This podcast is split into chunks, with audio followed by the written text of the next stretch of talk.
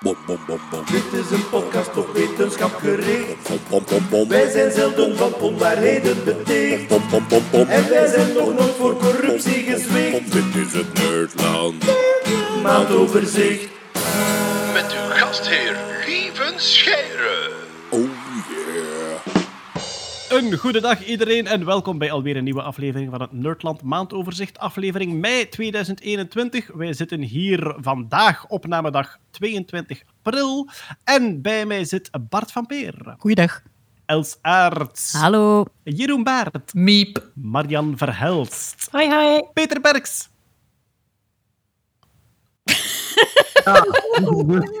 Hallo. Peter die zichzelf gemute had en die boomergewijs 15 keer moest klikken voor hij de sneltoetscombinatie Alt-Shift-M... eh, Ctrl-Shift-M. Ctrl-Shift-M, ja. En natuurlijk, Natta Kerkhoffs is er ook bij. Hallo.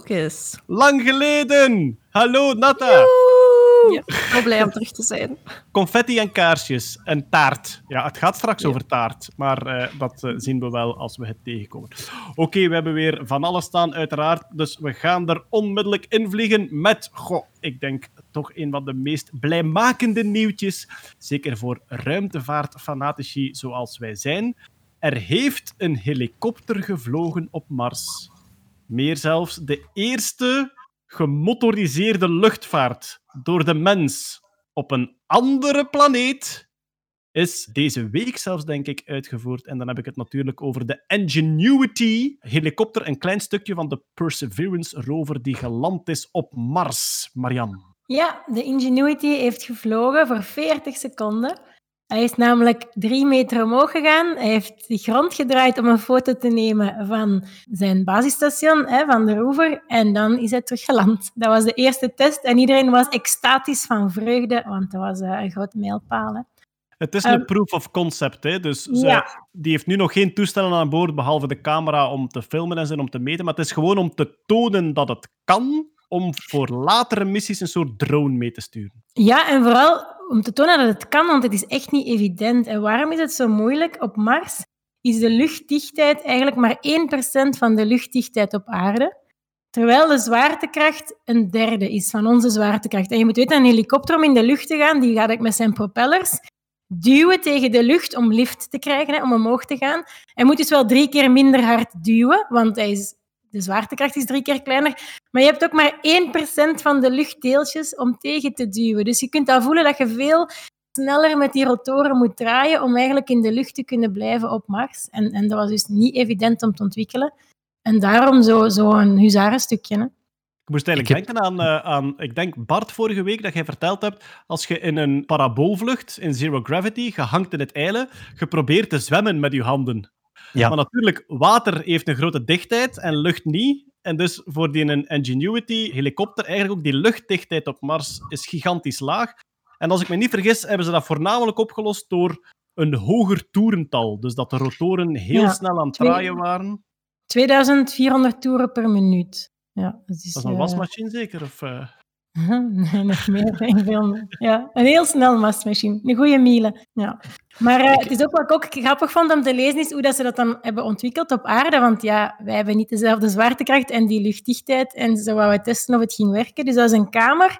Die konden ze eigenlijk leeg pompen, of, of zo pompen dat de luchtdichtheid omlaag ging. Maar dan was de zwaartekracht nog niet in orde, dus dan hangen ze dat droontje eigenlijk op aan een soort van draadje dat een beetje zijn zwaartekracht compenseert.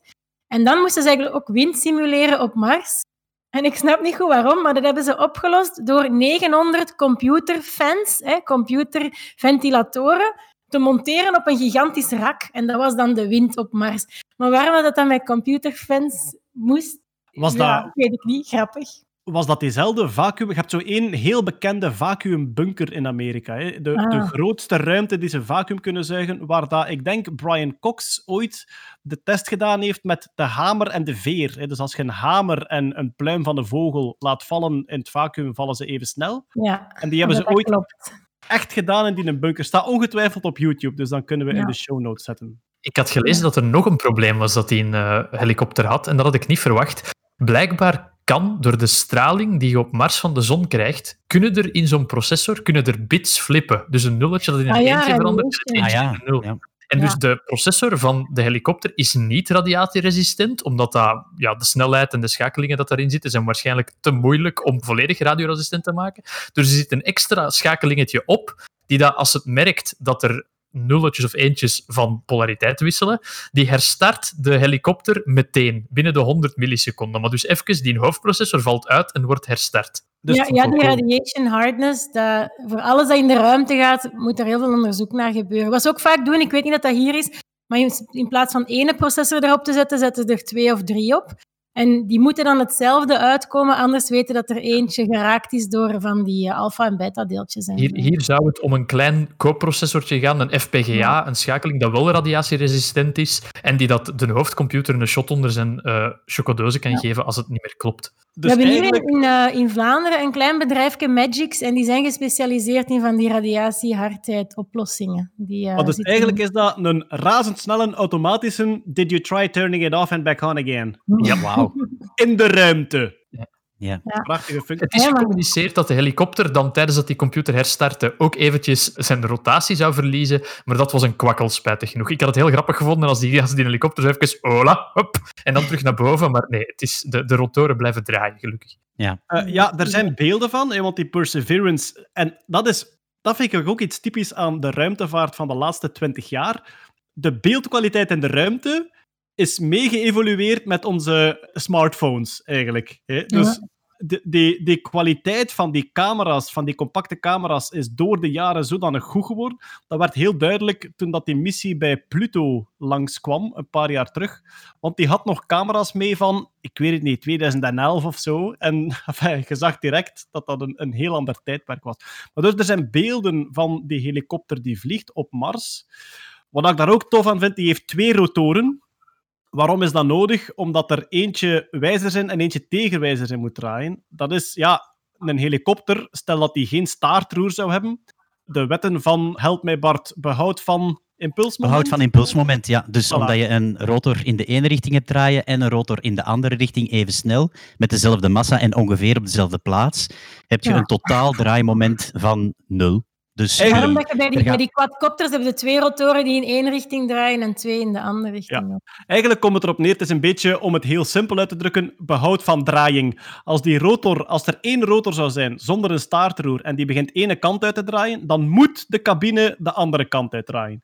Hoe lossen we dat op met een helikopter? We steken daar een lange staart aan met een kleine rotor die tegen de draairichting staat en die de helikopter eigenlijk altijd recht duwt.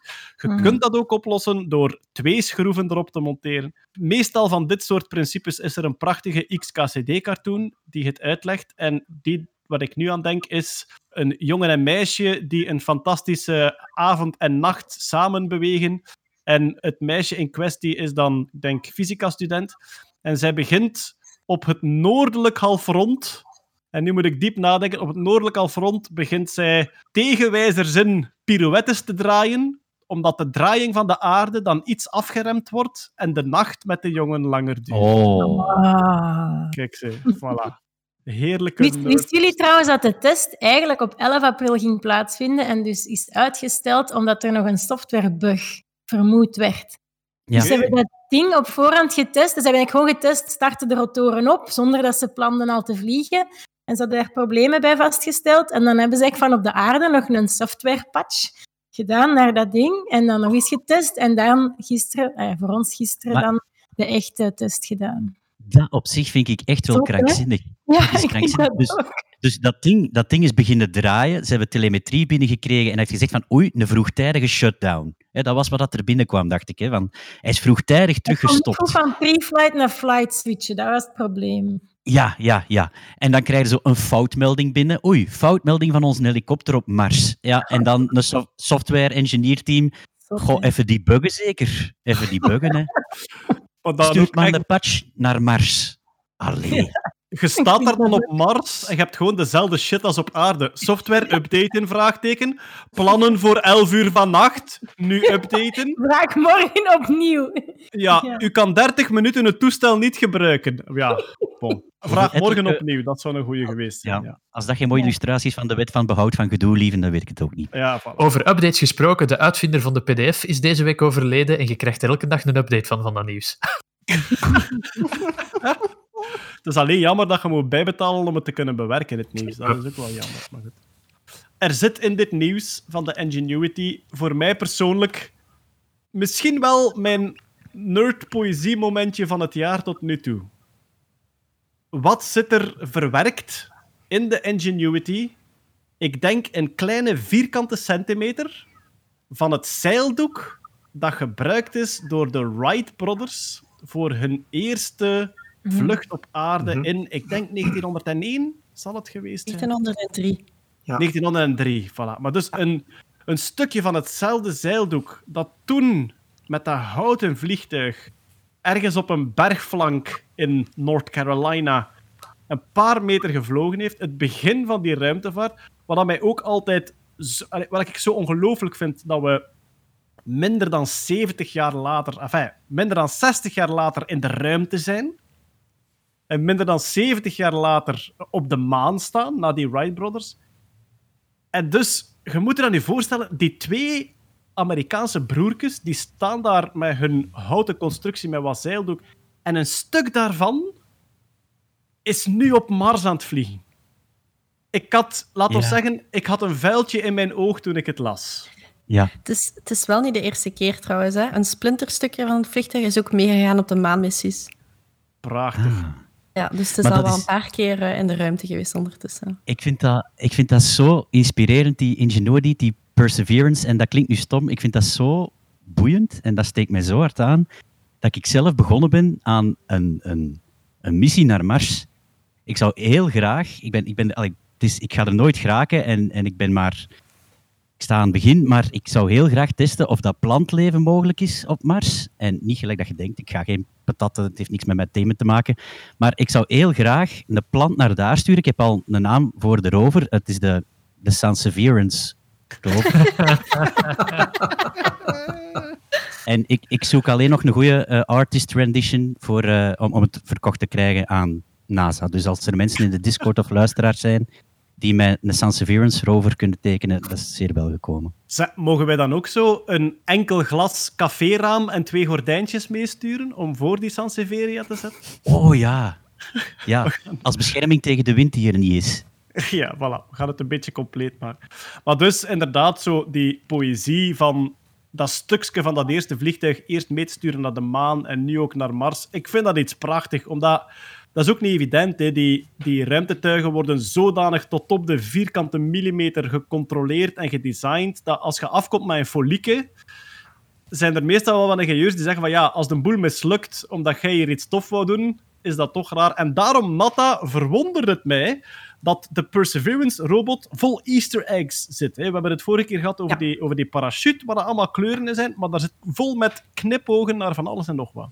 Ja, ja wel, ik heb er een paar van de leukste heb ik opgelijst, want er waren er echt superveel. Maar in de eerste plaats inderdaad, de parachutepuzzel was al super interessant. NASA heeft wel vaker gewoond hè, om, om heel symbolische afbeeldingen en zo op een spacecraft te zetten. Denk aan die Pioneer Flags. En nu, wat ze ook hebben gedaan, is bijvoorbeeld dat plaatje met de namen van 11 miljoen mensen. Je kon uw naam insturen en dan ging, ging NASA ervoor zorgen dat uw naam meeging op de rover. En 11 miljoen mensen hebben dat gedaan. Hetty zit erbij, dus alvast een Hetty in space. Hè. Ja, en het is, het is geëtst op drie siliconen chips ter grootte van een vingernagel. Maar zijn die, zijn die echt vormelijk geëtst of zijn die digitaal mee? Ja, ik sta er ook bij en het is effectief superklein echt erin geëtst. Mini. Ja. De letters geschreven. Ja, Eigenlijk in kleine metaalbaantjes of zoiets. Wauw, cool. Dan heb je een serieuze bril nodig wel. We hadden, we hadden vorige keer gezegd dat de parachute meegemaakt was door Picanol. En we hadden gezegd van dus toch ook een klein beetje België in de rover. Ja, er heeft ons nog een bedrijf gemaild, namelijk Semosis. Die hebben meegewerkt aan de camerasensoren Ja, van ja, dat ding. Dus eh, ja, ja, we mogen zeggen dat er nog meer Belgische shizzle Cool. in zit. Belgische micro-elektronica. Inderdaad. Ja. Toch tof als er iets Belgisch in zit, dat wij altijd het gevoel hebben, wij bestaan! Dat is, dat is een bedrijf in Antwerpen en die hebben gemaild met er zit ook een Antwerps kantje aan. Geen Belgisch kantje. Een Antwerps Ja, kantje. ja, kijk. Maar die, die, zijn, ja, die zijn allemaal super welkom om mee te werken aan de Sanseverance rover. Hè. Allee, Je hebt hier een zaadje geplant, Bart. Zeker wel. Boing. Dat gaat erop staan, dat is de slogan. Voilà. Natta, wat zat er nog in allemaal op de? Ja, wat zit er nog in? Dus op dat plaatje met die 11 miljoen namen hebben we ook nog een afbeelding van de zon en dan Mars en aarde aan weerszijden. Die zon straalt zonnestralen uit in morsecode en als je dat vertaalt krijg je Explore as One. Oké. Ook alles is natuurlijk in het Engels, dus het is te hopen dat als aliens ooit ons blik terugvinden in de ruimte, dat die Engels spreken wel. Als ik iets geleerd heb van films en tv-series, is dat alle aliens Engels verstaan. Uh, dus we, we hebben zo ook de Rover Evolution Plate. Dus we kennen allemaal zo die afbeelding van de menselijke evolutie met de aap eigenlijk links en, en helemaal rechts de Homo sapiens. Zo hebben ze ook een plaatje van de Rover Evolution gemaakt op de rover. Dus helemaal links zie je de eerste Mars rover die geland is en helemaal rechts zie je Percy en Ingenuity. Dus dat zijn dan, eh, even denken, de Sojourner, Spirit, Opportunity, Curiosity en dan nu Perseverance en Ingenuity. Ja, die, die Sojourner was zo een heel klein... Ik vind, het doet mij altijd denken aan, aan een insect eigenlijk, Peter. Want het heeft zo... De zonnepanelen lijken op twee vleugels die zo naar achter steken. Ah, dat is Dus een waar, heel- ja. dat is juist. Een heel klein karretje. En je hebt inderdaad, als je die naast elkaar zet, lijkt het inderdaad zo op een soort evolutie, een beetje technologische Ja. evolutie van hoe dat, dat maar beter wordt. Ja. Ja. Wat er dan ook natuurlijk, dat is obligatoire erop zit, is een vlag van de USA. Als je wilt tonen dat iets echt Amerikaans is, dan plakt je er een heel dure bumpersticker op, I guess. Eh, in de linker voorband zitten ook nog twee afbeeldingen. Eentje vond ik ook wel mooi symbolisch. Eén afbeelding is van het tussen haakjes DNA van de rover, een van de bandafdrukken van de rover, met daarnaast een afbeelding van het menselijk DNA. En dat is zo'n beetje symboliek voor... En we kunnen elk terrein overwinnen met onze technologie, maar die technologie is wel bedacht door ons mensen. Mooi symboliek. Juist, die eigenlijk, toen ik er naar zat te kijken, dacht ik, die Perseverance, die heeft tattoos. Ze zijn er echt zo Ja. ingekerfd. Het, het lijken wel tatoeages, hè? zo in die banden en zo, zo'n DNA-ding als tatoeage. Ja, heel veel etsen en, eh, en, en zo plaatjes die erop staan, inderdaad. Ik ben net aan het opzoeken. Eh, ik zei daarnet dat de Sojourner op een insectje leek, maar dat is niet zo. De Sojourner was zo, was zo een, een minuscuul, schattig klein rechthoekje. Het is de Opportunity. De Opportunity doet mij altijd denken aan een soort cicade of zo, die haar vleugels wat, eh, wat openspreidt. Zwat, dat is iets waar Peter en ik dan enthousiast over worden.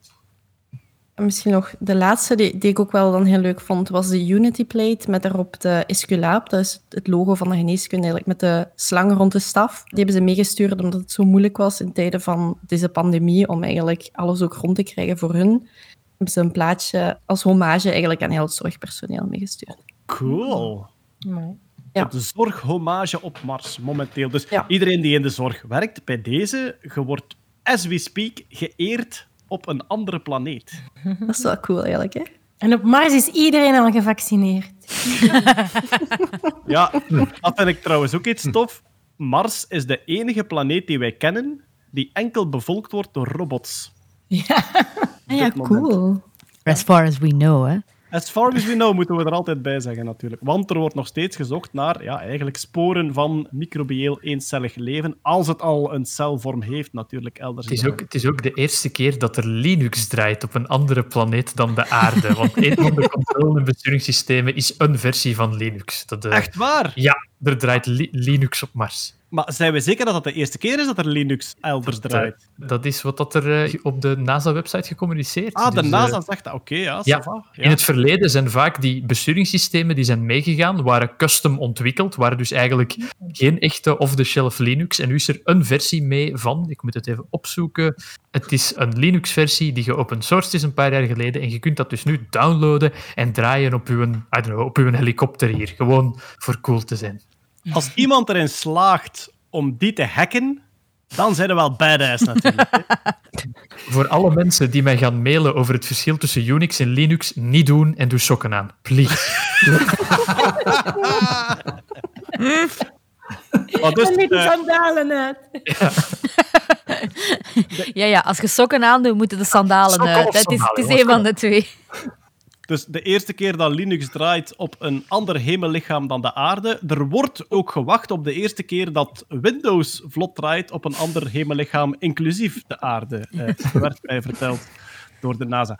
Oké, ja, voilà. Kijk, de Perseverance. We gaan er nog vele maanden genot van hebben. Er komt zeker nog eh, nieuws van. Al die Easter eggs die komen uiteraard in de show notes op watvindigmehier.nerdland.be. Nee, wat is nu weer de officiële? Want ik kan niet variëren op de mop voor ik het officiële... Maandoverzicht.nerdland.be officieel. natuurlijk.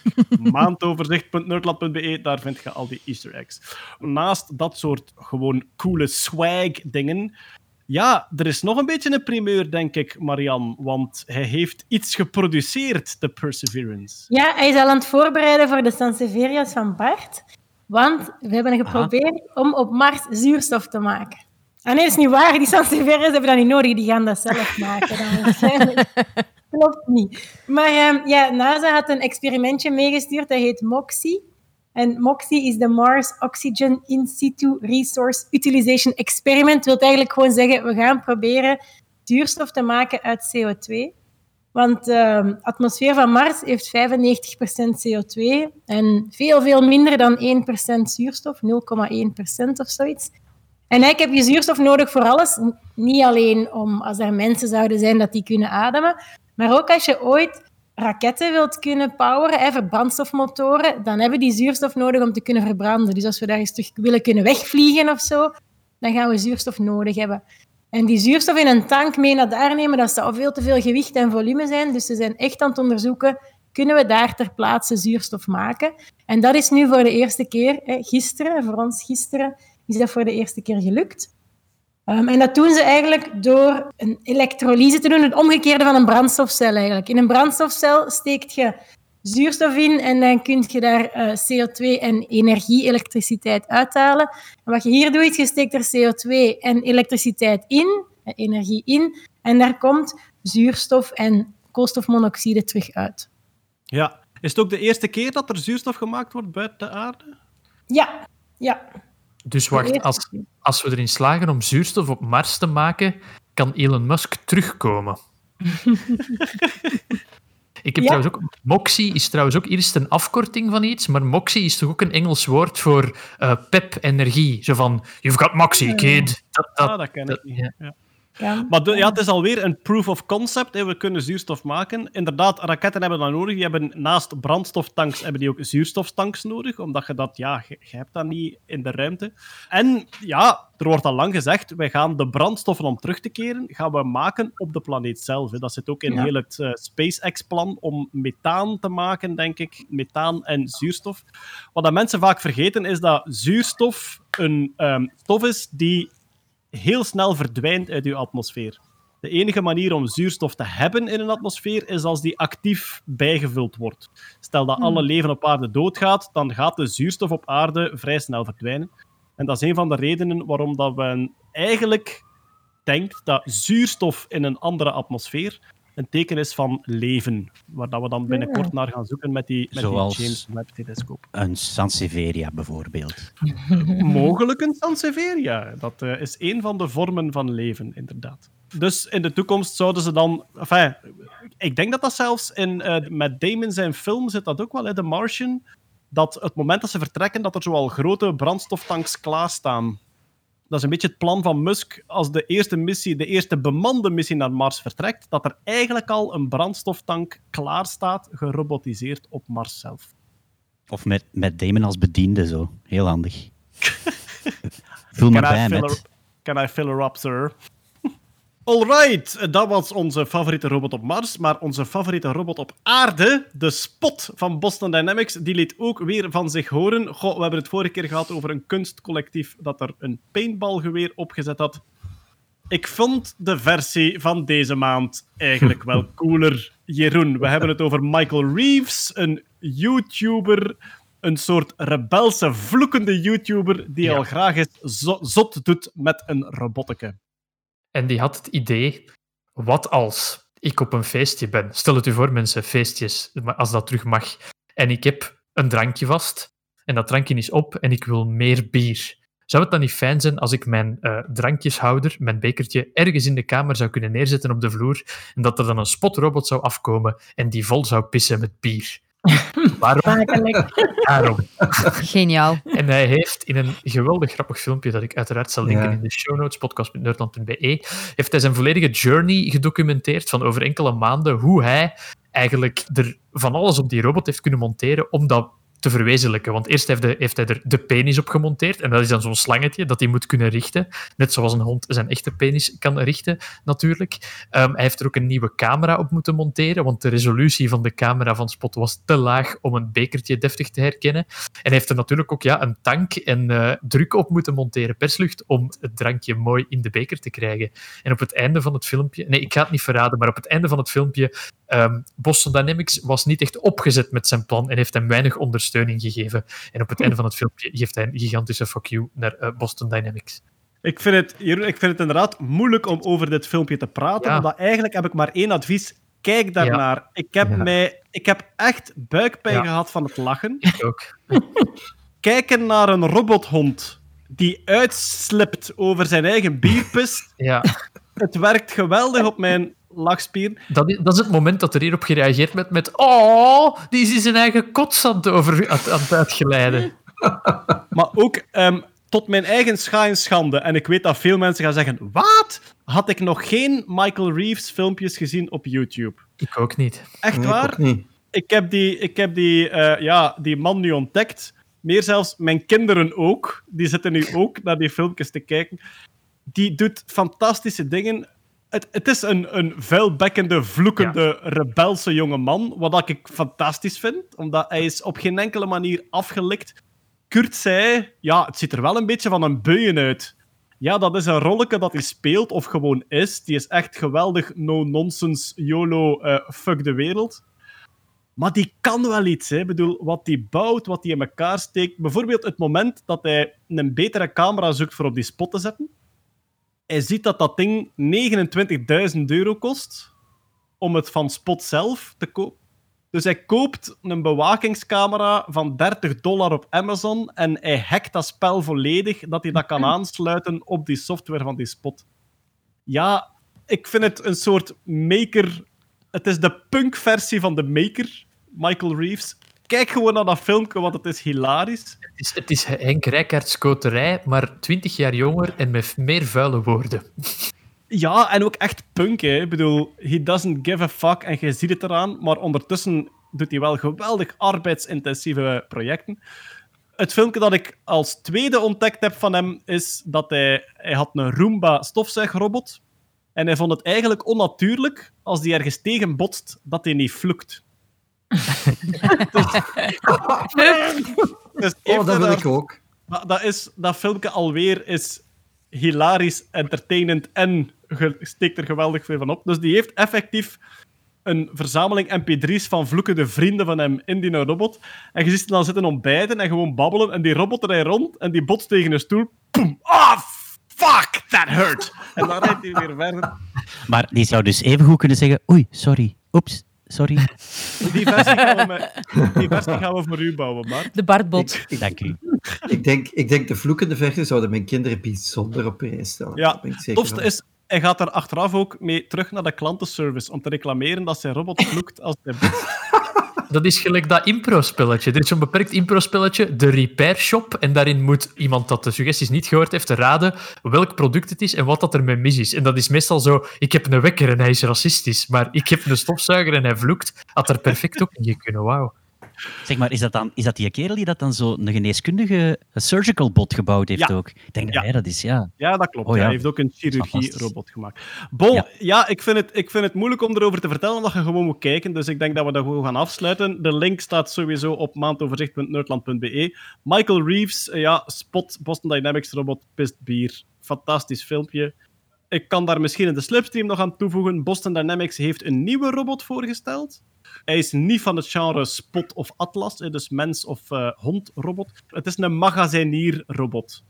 Dus het is een robot die eh, rondrijdt in een magazijn en ik denk met zuignappen dozen kan vastnemen en stapelen. Ah. Dus heel erg bedrijfsgericht inzetbare robot die ze voorgesteld hebben. Het filmpje waarin ze het doen is wel tof. Uiteraard doen die robots een dansje met elkaar in een magazijn en halen ze wat dozen, maken ze wat dozen open waar spotrobots uitkomen. Maar dus is Stretch heet hij. Stretch, Schattig. zoals wat je doet na het sporten. Gevaarlijk schattig of functioneel schattig, Jeroen? Schattig. En ik rol met mijn ogen, maar dat ziet je niet op de, podca- op de podcast. Verdacht schattig. De kritische noot. Ja, dan is er een nieuwsje. Ja, waar ik toch een beetje. Enfin, dit is mijn wat nieuwsje van deze maand. Het geval zelf dateert van enkele jaren terug, maar het is een verhaal dat nu bovengekomen is via I Fucking Love Science, de website. Een man krijgt een kind met zijn vrouw. De bloedgroep van het kind komt niet overeen met de man of de vrouw. Dat is altijd een momentje dat ze denken, hola, normaal gezien... Ja, via de erfelijkheid kan dat kind die bloedgroep niet hebben. Uiteraard volgt er een vaderschapstest. Conclusie van de vaderschapstest. Meneer, dit kind is niet van u, het is van uw broer. Want ze zien dat dat kind toch een halve gelijkenis heeft met de vader, maar geen volledige. Enige mogelijkheid, broer van de man. De man zegt, ik heb geen broer. Wat Waar was blijkt- dit en waarom is het Wachtebeke? Het was in Washington, dus de eerste twee letters zijn al juist. Washington Beken. Ja, wat een genetisch mysterie. Heel duidelijk bleek, dat kind is eigenlijk van een broer van die man. Die man heeft geen broer. Wat bleek? Die man was een tweeling in de baarmoeder. En zijn broer is versmolten met hem. Ja. Dus soms gebeurt het dat er een één-eiige tweeling ontstaat, die in de celfase, dus dat zijn geen... Dat is, het gebeurt ook soms dat een van de twee echt als klein lichaampje in de ander terechtkomt, maar daar gaat het nu niet om. In de celfase komen die twee soorten cellen samen en het lichaam bestaat dan eigenlijk uit twee soorten cellen. En dat kan op verschillende plaatsen tegelijk zitten. Alleen in dit geval zat het dus bij die man zijn voortplantingscellen. En sommige van zijn zaadcellen waren dus genetisch van zijn ongeboren broer. En sommige van zijn zaadcellen waren van hem. Dus Maar de die zijn vrouw heeft niks vies, feuilletonachtig gedaan met zijn niet bestaande tweelingsbroer. Die man spuit... Ja, ik bedoel... Jawel, ik- ik die heb- heeft dus gewoon seks gehad met zijn niet bestaande tweelingsbroer. Ze wist het alleen niet. Jawel. Hij is is eigenlijk Dat is echt zo, dat is thuis next level, hè? die is bedrogen geweest door de persoon die zomaar in hem woont. Allee, dat is, dat is next level. Hè? Eigenlijk kun je zeggen, hij heeft het zaad van zijn broer uit zijn eigen piet geschoten. Ik al in de baarmoeder zijn broer verslagen en die heeft gewoon gezegd, ik ga hem eens terugpakken. Het zaad van mijn broer is genetica-voer. Eigenlijk, als er iemand op de wereld is die kan zeggen: Mijn broer is een kloot, dan is het deze man. Maar dat is toch, dat is toch wat een onwaarschijnlijk... toe- Dus dat dat gebeurt, oké, en een chimera heet dat zeker. Ehm, Ja. dat, dat dat gebeurt, hè, dat die versmelting optreedt in de, in de, fase, in de celfase, oké, tot daaraan toe. Maar dat het zodanig toevallig versmelt dat dus het genetisch materiaal van beide bevruchte eicellen terechtkomt in de voorplantingscellen en voor de rest in het lichaam maar één genetisch profiel aanwezig is, dat is toch... Ah, wel, maar dat is toch er is ook zo'n vrouw geweest, hè? een vrouw die zogezegd niet de moeder van haar kinderen was. klopt En dan is zij inderdaad. bij een tweede geboorte is er iemand aanwezig moeten zijn om effectief te kijken, te zien hoe dat kind uit haar kwam en dan te zien van, ah oké, je bent wel de moeder, maar dat kind mist een deel van u. Super Dat was een. Een Amerikaanse actrice en die had, ik denk, een soort moedervlek, een soort verkleuring aan de linkerkant van haar lichaam, die ze niet rechts had. En Bart, daarom is het jammer dat Hetty er nu niet bij is. Misschien doen we een recall volgende maand. Die chimera's, ja, die cellen komen op sommige plekken wel en niet. Zijn dat Ja? die dingen dat je zo een gezwel kunt hebben met haar en tanden in? Is dat dat? Dat is iets anders. Ah, dat, is het moment, ja, dat is het moment dat eigenlijk de foetus al een beetje uitgegroeid is en in het andere lichaam groeit. Terwijl hier in de celfase, in de celfase is dat in plaats van twee propjes van tien cellen, is dat één propje van twintig cellen geworden en zo verder uitgegroeid. Maar dus de geweldige complexiteit van waar dat die stamcellen dan het ene genetisch profiel hebben en het andere. Ja, wel. Want er zijn ook mensen met twee soorten bloed, bijvoorbeeld. Hè. Er zijn mensen met, ik denk dat het ehm, tetragametisch heet. Hè. Dus dat ze eigenlijk in plaats van twee gameten vier gameten hebben. eh, of uit vier gameten ontstaan zijn. En dus er zijn mensen die inderdaad ook chimera-bloed hebben. Dus die ja, verschillende stamcellen in beenmerk dan, want dat zijn de stamcellen waar je bloed gemaakt wordt. Goed, ik ben er vrij grof aan doorgaan, dus ik denk dat Hetty een kwaaie mail gaat moeten sturen naar eh podcast.nerdland.be voor de correcties. Dan kan ik met mijn ogen rond en zeggen, bedankt voor je feedback, naam hier.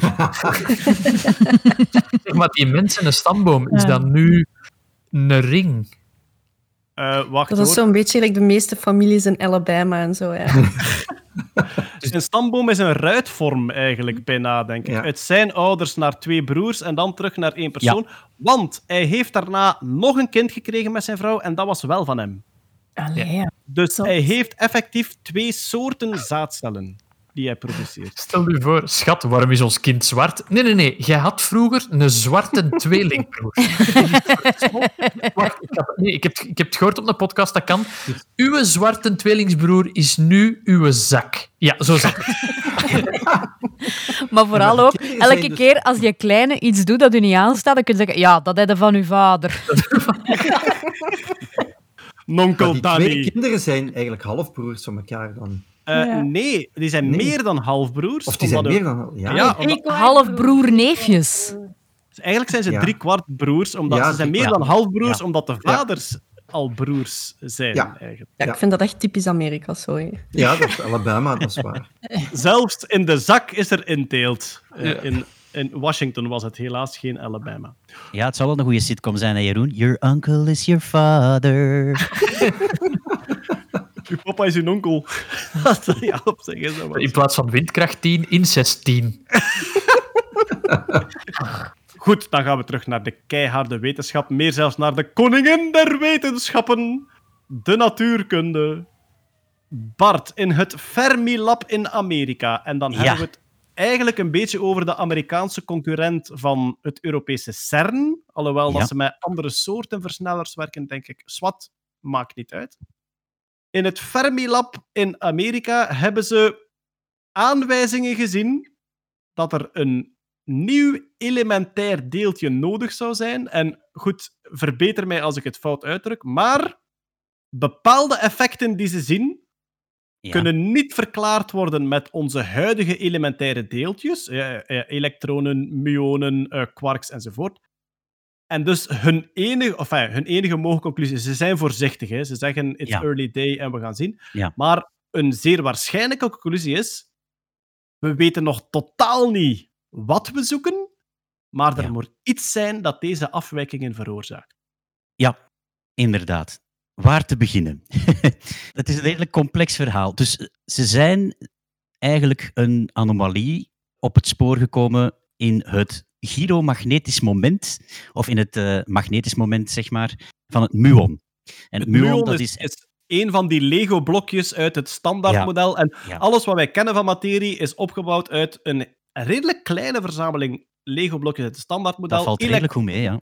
Elektronen zijn zelf elementaire deeltjes, dus die zitten daarin. Ja. Fotonen zitten daarin. Ja. Protonen en neutronen niet, want die bestaan uit quarks, maar de quarks zitten dan wel in de Lego-doos. Een beetje de verzameling van dit is wat we denken dat de kleinste bouwstenen zijn van de Ja. materie. Ja. En het muon, dat is eigenlijk gewoon een zwaardere versie van het elektron. Dus dat heeft eigenlijk allemaal dezelfde eigenschappen als het elektron, dezelfde lading, dezelfde spin, maar is alleen een beetje zwaarder. En het muon is een deeltje, net zoals het elektron, ook met een spin, zoals ik al net zei. Spin, dat is een kwantummechanische eigenschap. En dat hangt samen met een klein magnetisch momentje. Ehm, hoe kun je dat zien? Dat ofwel een muon of een elektron een magnetisch momentje heeft. Als je dat langs magneten stuurt, dan gaat dat afbuigen. Als dat een spin-up is, dan zal dat een bepaald magneetmoment hebben, zal dat naar boven afbuigen. Als het een spin-down is, zal dat naar de onderkant afbuigen. En zo kun je gewoon fysisch zien dat dat een klein magneetje is eigenlijk, zo'n elementair deeltje. Om het terug naar onze werkelijkheid te brengen, gepakt een zware magneet. Als je daar een plastic pareltje naast laat vallen, gebeurt er niks. Als je daar een ander klein magneetje naast laat vallen, gaat die afwijken van de baan. En dat is Ja. wat ze dan ook met die subatomaire deeltjes doen. Ja, en daar is ook het principe van de versnellers, zoals CERN, zoals Fermilab, op eh, gestoeld. Hè. Dat zijn allemaal magneten die dat ervoor zorgen dat je die deeltjes in een cirkelbaan afgebogen krijgt. Dat ze een bocht pakken, ja. Dat is een bocht pakken, voilà. Nu, uit de theorie, uit kwantumveldentheorie, kunnen we redelijk goed dat magnetisch momentje van alle elementaire deeltjes berekenen. Als je de spin kent, dan ga je via de gyromagnetische factor, die G waar je nu zoveel over hoort, ga je dat magneetmomentje kunnen berekenen. En voor het elektron en het muon is dat heel mooi 2. Zuiver mooi 2. Als je dat gaat meten, dan blijkt dat niet 2 te zijn. Dan zit daar een klein verschil op, dat noemen ze het anomaal magnetisch moment. Maar ook dat is perfect verklaarbaar. Was tot nu toe perfect verklaarbaar, want die theorieën die gebruikt worden, dat zijn eigenlijk theorieën die daar geschreven zijn voor naakte deeltjes, zoals dat heet. Uh, het naakte muon, wat moet je daaronder verstaan? Als een deeltje zich beweegt door het vacuüm van de ruimte, die theorie gaat er dan vanuit dat dat vacuüm leeg is. Ja. Daar gebeurt niks. Dat is niet waar. Als je in gaat zoomen op het vacuüm tot op Planckniveau, dan zie je dat dat niet leeg is, maar een kolkende energie van deeltjes allerhande die constant ontstaan en terug verdwijnen. Een soep van virtuele deeltjes eigenlijk. Hier zitten we in de de- kwantummechanica. hè. De Dus- zware kwantummechanica, ja. Dus ja, ja. het plankniveau, waar je net van spreekt, planklengte. Goh, soms beschrijf ik het als de resolutie van de werkelijkheid. De pixelgrootte. De planklengte Ja. als zijnde iets zodanig klein Ja. dat de effecten daar ja, op hun minimumlengte spelen eigenlijk. Ja, en daar zit je bij pure kwantummechanica. En daar heb je dus van dat exotisch gedrag, zijnde dat je vanuit het niks plots twee deeltjes kunt hebben die ontstaan, die elkaar iets later terug annihileren. Dat mag allemaal gebeuren, zolang het maar snel genoeg gebeurt, zolang de energieën niet te groot zijn, zolang het allemaal binnen ja, die plankresolutie gebeurt, kan dat allemaal. Maar wat is daar het effect van? Want dat is meetbaar. Het effect daarvan is dat al die virtuele deeltjes, dat die toch een soort van, ja, brei vormen die gaan kleven aan elk reëel deeltje. En dat gaat de eigenschappen van dat deeltje beïnvloeden. De massa, de lading, dat, daar, daar komt allemaal een beetje bij. Zo ook die G. Die G-factor die het spinmoment omzet in het magnetisch moment, die wordt daardoor beïnvloed. Door, gewoon puur door het feit dat een deeltje door het vacuüm niet door een leegte beweegt, maar door een soort van zee van kolkende deeltjes die daar even aan blijven plakken. Het wordt wel eens het kwantumschuim genoemd. Quantumschuim, ja. Quantum foam. Kwantumschuim, namelijk, normaal zou er niks mogen zijn, maar in de kwantummechanica kun je soms met een bepaalde waarschijnlijkheid bestaan of niet bestaan. En zelfs dat beïnvloedt de eigenschappen van deeltjes Ja. die passeren. Nu dan nog zouden kunnen zeggen, ja, dan, dan zit je daar met een onzekerheid. Nee, zelfs de effecten van dat kwantumschuim kunnen we zeer, zeer precies berekenen. Ze hebben gewoon van alle krachten, hebben ze alle mogelijke schema's opgelijst van deeltjes die ontstaan, dan in deeltje A en deeltje B splitsen, terug annihileren. Alle mogelijke koppelingen van alle bestaande krachten. Die hebben ze allemaal uitgerekend. Dat doen ze met de bekende Feynman-diagrammen. Die maken dat Ah. rekenwerk een pak eenvoudiger. En dus ook die bijdrage is zeer precies gekend. Wat blijkt nu uit het experiment in Fermilab? En dat is een resultaat dat nu met grotere precisie herhaald wordt ten opzichte van een gelijkaardig experiment in 2004 in Brookhaven, dat er toch nog een residueel verschil is tussen G en de zuivere waarde 2 plus de kwantumeffecten. En is dat een significant resultaat? Wel, ze zitten qua signaal op dit moment aan 4,2 sigma. Ook iets dat je moet uitleggen. Ze spreken in de deeltjesfysica van een relevant signaal op het moment dat je aan 5 sigma zit. Sigma is een maat voor de breedte van je piek, laten we zeggen. Eigenlijk drukt het uit hoe onwaarschijnlijk het is Ja. dat de afwijking toevallig is. Ja, voilà, voilà. En vanaf het moment dat je in de fysica met een resultaat van 5 sigma zit, kan je zeggen, oké, we zitten hier met iets zeer relevant, dat geen toevalligheid is, dat geen ruis is. En op dit moment zitten ze aan 4.2. Dus er zijn al enkele fysici en enkele instanties die lichtjes traag op hun achterpoten gaan staan en zich klaarmaken voor...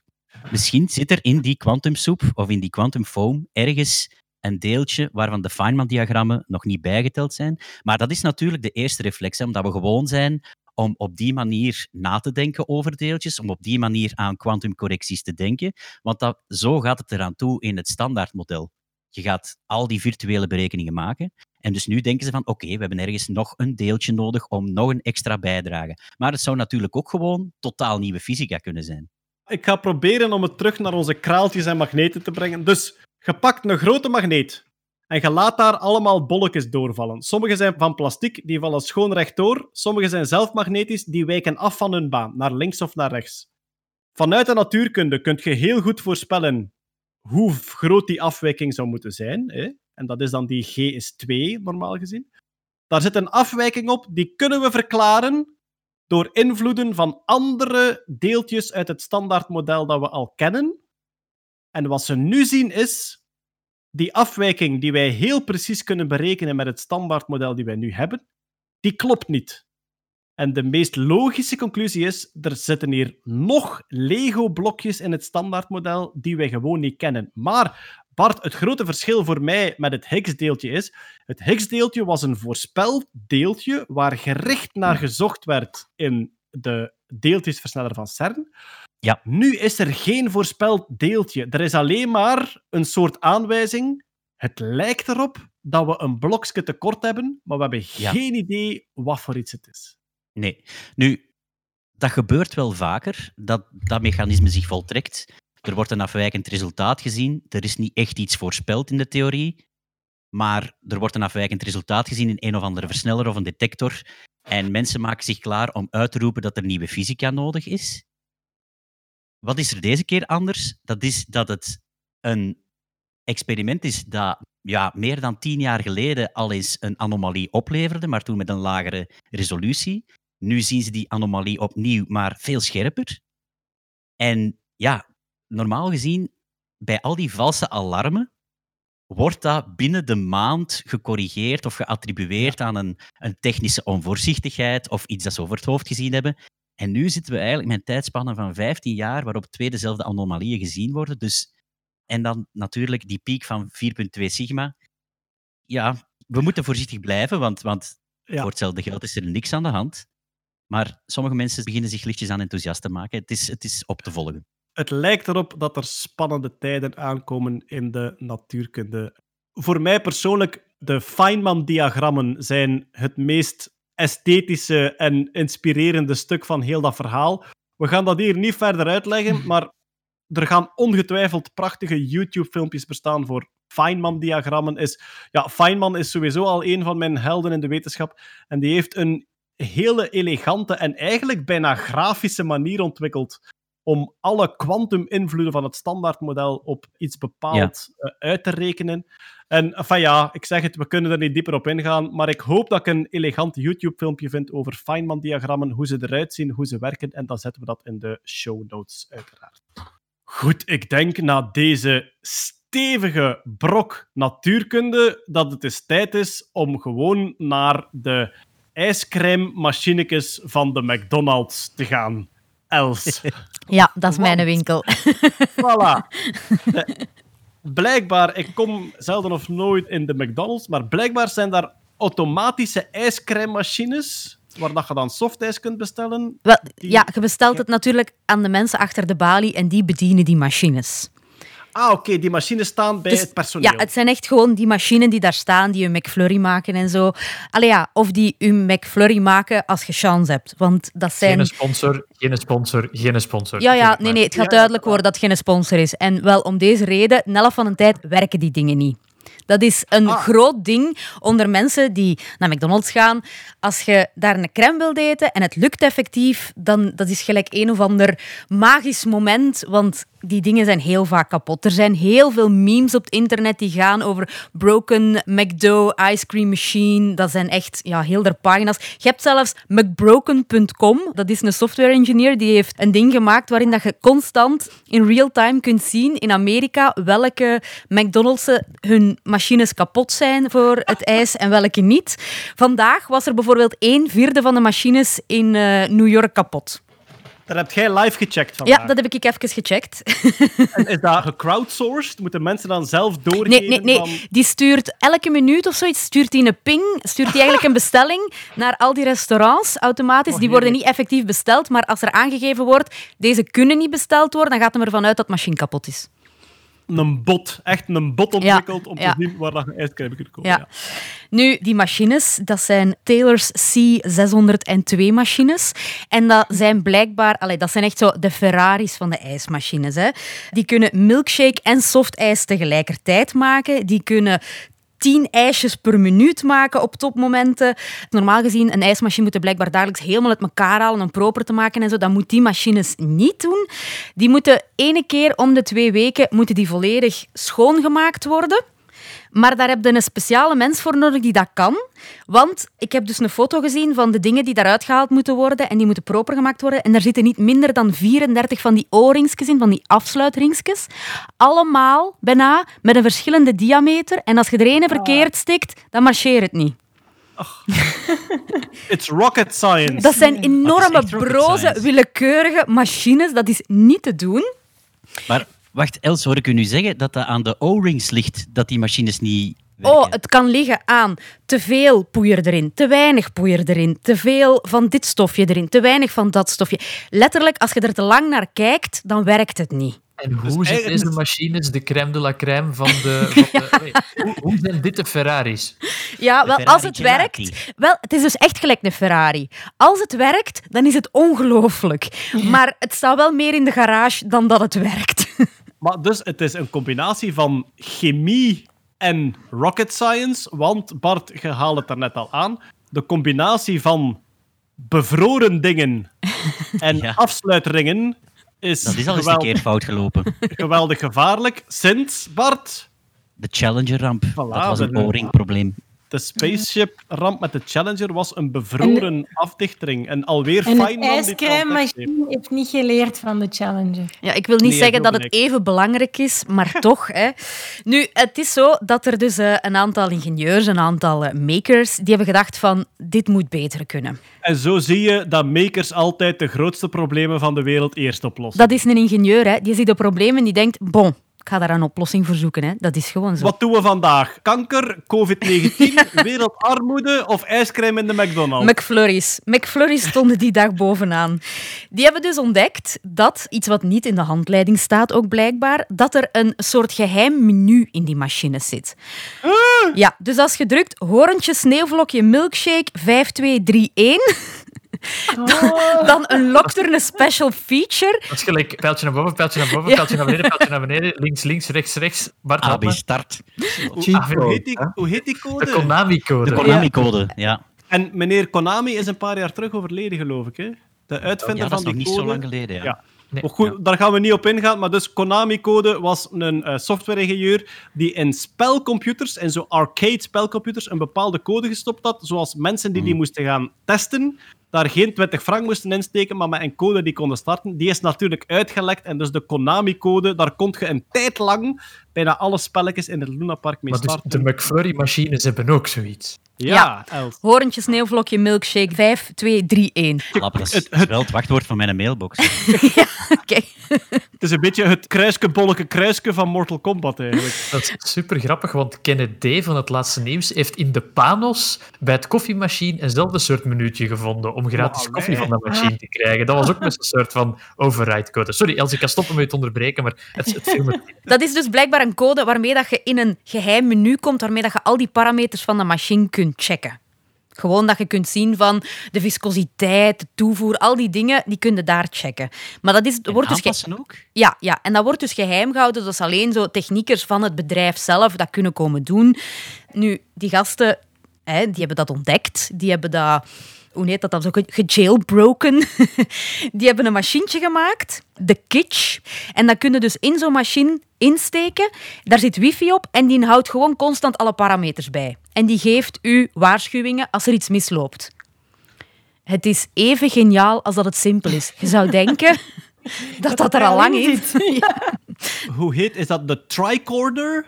Die zo, Van Star Trek? ja, dus de tricorder die zo alle vitale stijnen Ja. en, en u dan kan genezen. Als dit, dus het is een tricorder voor het ijscrèmmachine van de McDonald's. Ja, het lost niet altijd alles op, al kan het een aantal dingen oplossen, maar het geeft tenminste de info. Bijvoorbeeld, een van die machines die constant vastliepen, de manager krijgt daar dan op een gegeven moment, door dat machientje krijgt hij daar dan data van. En wat blijkt, een van zijn werknemers doet daar gewoon elke keer net te veel poeier in, waardoor dat, dat machine ook vastloopt.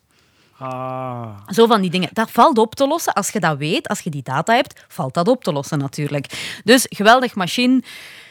alles leek opgelost. Nu, vandaag was er nog altijd een vierde van de machines in New York kapot. En dat is om de simpele en eenvoudige reden dat Taylor, die die machines maakt, en McDonald's daar zijn achtergekomen dat er een paar mensen waren die dat gehackt hebben. En die hebben direct gezegd, kan niet, mag niet.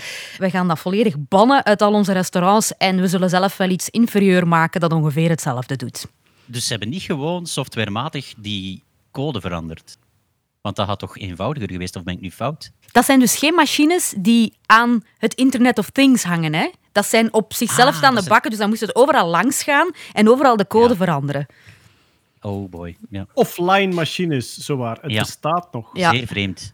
En Ja, ze staan in uw natuurlijk- McDonald's en ze maken nu een McFlurry. En alle fans van viscositeit zijn nu op de hoogte natuurlijk. Is dat, is dat een metalband uit Peer? Dat is echt een smer- Viscositeit. dat is echt een smerige community, die viscositeitsunderground. Hoor. Dat is niet... eh, Ja, er komen heel veel nieuwe invloeden uit, maar ze vinden heel traag hun weg naar de buitenwereld. gluiperds. Echt gluiperds. Maar dus, als er nerds zijn die in een McDonald's werken, dan zou ik dat heel tof vinden als die gewoon een keer zien of dat ze hun machine kunnen hacken. Of dat ze dat Nog kunnen... één keer de code, Els? Horentje sneeuwvlokje milkshake 5231. Klinkt ook zoiets dat je zou zeggen in een darkroom. denk ik. Ja. Voor mij klinkt het meer als het eerste nummer op het nieuwe album van Viscositeit. Voor mij, voor mij klinkt het als internationale burgergigant klaagt Lieve Scheires podcast aan. Good evening, we are Viscosity. This is Horn, Snowflake, Milkshake, 3253. Boom, boom, boom, boom. We vragen het aan Johnny Cash. En de fans, zijt jij ook viskeus, jij? Ja. Ah ja, je moet al zo'n hippe naam hebben voor je fanbase, zeker. De Viscosio's. Maar dus ook als je in de McDonald's komt en het machine marcheert niet, laat die mensen gerust, die kunnen daar niks aan doen. Dat is gewoon een heel moeilijk ding. Dat is... Dat is ja. Els, je hebt net gezegd dat daar ene foem rondloopt die er altijd te veel poeder in doet. Dus die kunnen daar wel. Weinig. Ja. Goed, we gaan naar de biologie, meer bepaald naar de insectenwereld. Wie, oh wie, zou daar graag iets over vertellen? Peter Ik Berks. zou het niet weten. Ja. Er is een mierensoort, want binnen de insecten zijt jij nog eens een mierenman, zoals je Ja. zelf vaak zegt. Ik ben een mierenman. Je hebt soms wantmannen en mottenvrouwen en microvlinderkoppels. En jij zijt een mierenman. En je vindt, Helemaal. ook dat mijn, je vindt ook dat mijn Limburgs accent op geen kloten trekt, meestal. Maar het is een beetje over de top, maar voor de rest... va. Oké, ik probeer het eh, te verbeteren. Er is een mierensoort die zijn hersenen in volume kan aanpassen, kan doen krimpen en groter worden. Ja, maar- Waar, waar hebben we het precies over? Ja, wel, voilà. In eh, mieren is het normaal zo, je hebt werksters en koninginnen. Koninginnen die leggen eieren en de werksters zijn in principe onvruchtbaar. Nu, dat is geen, hoe zal ik zeggen, in de biologie is niks zeker, dus daar zijn overal uitzonderingen op. En er zijn dus bepaalde mierensoorten waarbij die grens tussen koningin en werkster redelijk vaag is. Van deze soort, dat is de Indian jumping ant. Dus dat zijn mieren die ook echt kunnen springen kleine afstanden kunnen springen. Hebben redelijk kleine kolonies en die koninginnen zien er niet, die zien er eigenlijk een beetje als werkster uit. Nu, als daar een koningin om een of andere reden sterft, in veel andere soorten, dan is de kolonie ten dode opgeschreven. Dan dan sterft die gewoon uit, want dan komen er geen nieuwe mieren meer bij. Na een tijd sterven al die werksters, zijn, is de kolonie weg. Maar in deze soort zijn er dan sommige werksters die zich kunnen omvormen tot koningin. Oké. Dus er komt eigenlijk een dominantiestrijd tussen die werksters onderling en daar komt er dan eentje als overwinnaar uit. Een beetje Ja. de prinses Mathildes van de mieren dan eigenlijk. Ja, nee, ja. eigenlijk een beetje de Beyoncé's van de Destiny's Childs van de mieren. Zoiets. Zoiets. En op het moment dat hij dus, zal ik zeggen, de plaats van de koningin kan innemen, groeien die haar eierstokken, want in principe zijn die bij de werksters, bij heel veel soorten, onbestaande of helemaal niet goed uitgegroeid, maar bij deze soort zijn die iets meer ontwikkeld. Maar die, worden dan, die ontwikkelen zich volledig. Die werkster kan paren met een manneke en die wordt dan de nieuwe koningin. Het grappige eraan is, is dat tegelijkertijd haar brein krimpt. Dus de noblesse heeft minder hersenen. Ja, ja, dus het brein van de koningin is kleiner dan dat van de werksters. Dus u- u- uw verstand zakt eigenlijk naar beneden. Beetje gelijk een man. Ja, dus er is, er is blijkbaar een omgekeerde evenredigheid tussen de grootte van uw is- en de grootte van uw eierstokken. Dat is voor de energie, de energiehuishouding. Hè. Waarschijnlijk moet Ja, de energie naar die eierstokken. Ja. Je kunt dat niet naar je Maar ja, het heeft ook natuurlijk te maken met het feit dat een koningin eigenlijk niks anders moet doen dan eieren leggen. Terwijl werksters, die moeten kunnen forageren, die moeten een nest kunnen bouwen, die moeten verschillende taken kunnen doen. Een koningin heeft dat niet nodig. Ja? Maar het meest bijzondere is, stel dat je die koningin terug haar, om een of andere reden, ik weet niet hoe ze het gedaan hebben, maar die uit haar functie ontzetten, Hè, dus dat bijvoorbeeld een andere werkster terug meer dominant laten worden dan haar. Eigenlijk maak je gemaakt van de mierenkolonie een republiek. Je maakt er een republiek van, ja. Maar dus je gaat die koningin terug onttronen, dan groeit die haar brein terug tot de normale. Wow. Dus die, kunnen, die kunnen dus hun brein laten krimpen of terug aan laten groeien. Wat zeer uitzonderlijk is, want meestal is bij fruitvliegen gaat dat ook. Je kunt ook die brein, die, die hersenen laten krimpen, maar dat gaat niet meer terug. Dus meestal is dat proces Dat is gelijk bij mensen en drank. Dat is ook niet omkeerbaar. Nee, inderdaad. Maar dus daar eigenlijk- Ja. Als wij koningin Mathilde gewoon terug aan de lopende band in de fabriek zouden zetten, dan zou Dan haar zouden de brein hersenen terug aangroeien, ja. Zeg, ik zei net dat, dat, dat Beyoncé was spijtig dat geen bijen zijn. Anders was het echt Queen Bee.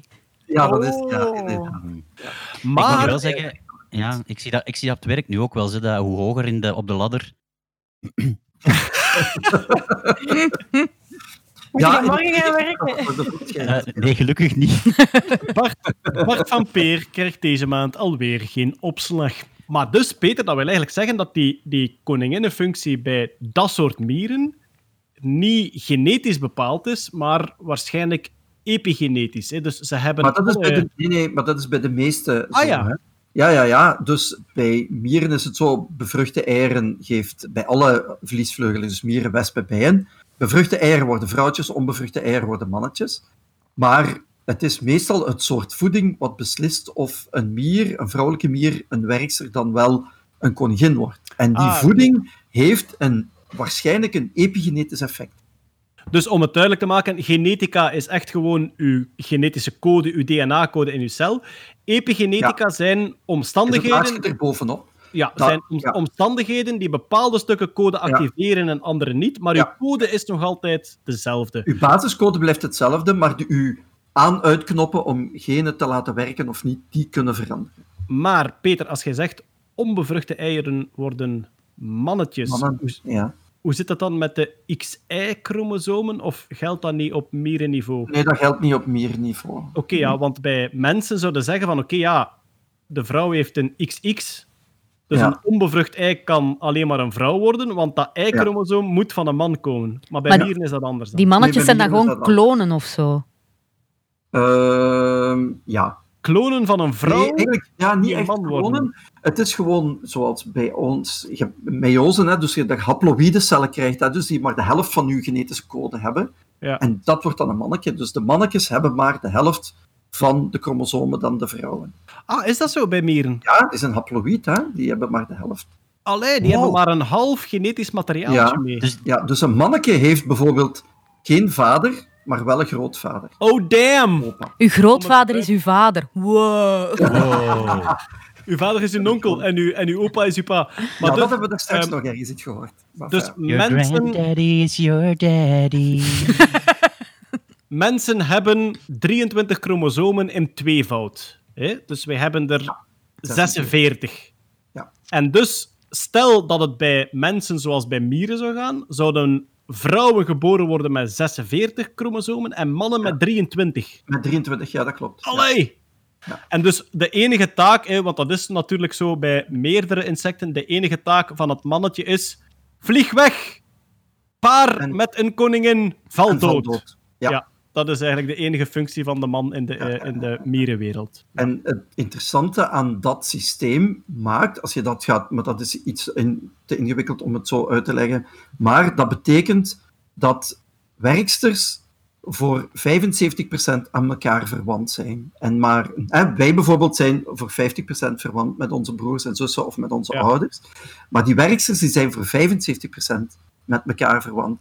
En daar is dan een theorie die bepaalt dat dat het, een van de basis is van het sociaal gedrag van mieren. Dat die zo one mind hebben, omdat die gewoon... Ja, omdat Zeg maar- die willen eigenlijk, Ja. die zijn eigenlijk geprogrammeerd om meer zussen te maken. Om hun eigen moeder te ondersteunen, om nog meer nakomelingen te krijgen. Eigenlijk uw genen doorgeven niet door uzelf voor te planten, maar door te zorgen dat mensen die heel ver- of mieren die heel verwant zijn aan u zich kunnen voortplanten. Ja, dat uw moeder eigenlijk meer kinderen zou kunnen krijgen, gewoon omdat ze wordt ondersteund door heel haar kinderen, eh, dus haar, haar eigen... Dat is nu, moet ik zeggen, wel de meest complexe Your Mama joke die ik ooit gehoord Ja, heb. dat is wel... Your mama can produce much more offspring because she has support of your sisters. De wet van Hamilton, hè. Oké, maar ik, dus ik heb mij de laatste tijd vooral bezig gehouden met eieren leggen, dus mijn hersenen zijn niet zo groot. Hoe gaat dat dan verder met een mannetje? Met Niet een als- mannetje. Gewoon niet. Dat gaat niet verder. Mannetje Nee. sterft. Met mannetjes, ja. Die, dus die paard, en op het moment dat die paard bij honingbijen explodeert die in, inwendig en is die dood. Ah, dat gebeurt inwendig bij die Dat is pas een orgasme. Dat is dus effectief een mannelijke honingbij. Die wordt geboren. Die vliegt zo hoog mogelijk in de lucht. Die zoekt een potentiële koningin. Ik denk van een ander nest, Peter. Of van hetzelfde Eh, bij nest. voorkeur, hè. Ja, ja. Bij voorkeur van een ander nest. En die poept. En op het moment poepen, eh, alweer voor de Nederlandse luisteraars, heeft bij ons eh, de betekenis van lichamelijke liefde bedrijven. Maar dus, Nou. die, die poept. Het moment dat hij het hoogtepunt bereikt, ontploft het achterlijf. En Ja, die, die, penis komt, die penis schiet daaruit en tegelijkertijd eh, worden die zenuwbanen doorge, doorgescheurd waardoor dat beest sterft. Dus het mannetje is dood nog voor hij de grond raakt in het Mhm. naar beneden vallen. Ja, ja, ja. En hetzelfde bij de mi het, het mierenmannetje heeft soms- geen andere bij sommige, bij sommige soorten zijn er die dan wel een paar uur langer kunnen leven, maar uiteindelijk is dat, is dat wel Ja. Op de begrafenis staan die familieleden daar rond. Hij is gestorven tijdens dat hij deed wat hij het liefste deed. Zijn een piemel naar een vrouw smijten. Iemand naar een vrouw vooral- het enige wat hij kon. De, de vorm van de kist is ook vrij bizar. Zo vrij dun van boven als een cirkel van onder. Maar heel die geëxploseerde penis. Wat dat is eigenlijk een penisvorm maakt. Ja, je hebt dat ook soms bij hommels. Hè. Wij krijgen soms berichten van mensen die zeggen: Oh, ik heb hier een hommel gevonden en die voelt zich wat slap en kan ik hem redden door hem suikerwater te geven? In het beste geval is het een koningin en kunde die suikerwater geven. In het andere geval is dat gewoon een manneke, heeft die zijn taak gedaan en ligt die gewoon te sterven omdat Ja, geen functie meer heeft. Is die klaar? Dat hangt van het seizoen af. Hè. Als dat midden in de zomer is, dan, maar nu zijn er geen mannetjes. Als je er nu vindt, eh, dat is een fenomeen dat nu binnenkort weer gaat optreden. Dat zijn die hommels die onder de lindenbomen terechtkomen. En linde, nectar, heeft iets te weinig suiker. En het kost een hommel veel meer energie om van bloem tot bloem te vliegen dan dat dat, dat oplevert. Ah, En dus putten die zichzelf uit en dan Oh, vallen die naar jong. beneden. Die kun je dus inderdaad wel terug laten recupereren door suikerwater te geven. Dus als je een hommel ziet op een linde zitten, moet je die wegjagen, want die plant heeft niet genoeg energie voor die Ja. hommel. En als Ja. je een uitgeputte hommel onder een lindeboom vindt, Ja, kan je die suikerwater geven om die terug ja, te ja. ja. ja, ja. En dan gaat hij zo recht terug die boom in natuurlijk, van bloemken naar Ja, boom. In mij, allee. ja, ja. Zo zijn ze wel ondankbare fuckers. Dat was een heel leuke aflevering van Bassie en Adriaan, waarin dat ze de plot van de slechterik eh, hebben kunnen twaarten. En die slechterik op het einde, hommels, hommels, hommels! Oh, wat een pijnlijke jasmop, Jeroen. Ja, Zo pijnlijk dat ik hem nomineer. Ik wou gewoon hommels, hommels, hommels zeggen. Ik vond er geen mop voor. Ja. Het geeft ook een beetje onze leeftijd weg intussen. On this bombshell is het intussen tijd voor...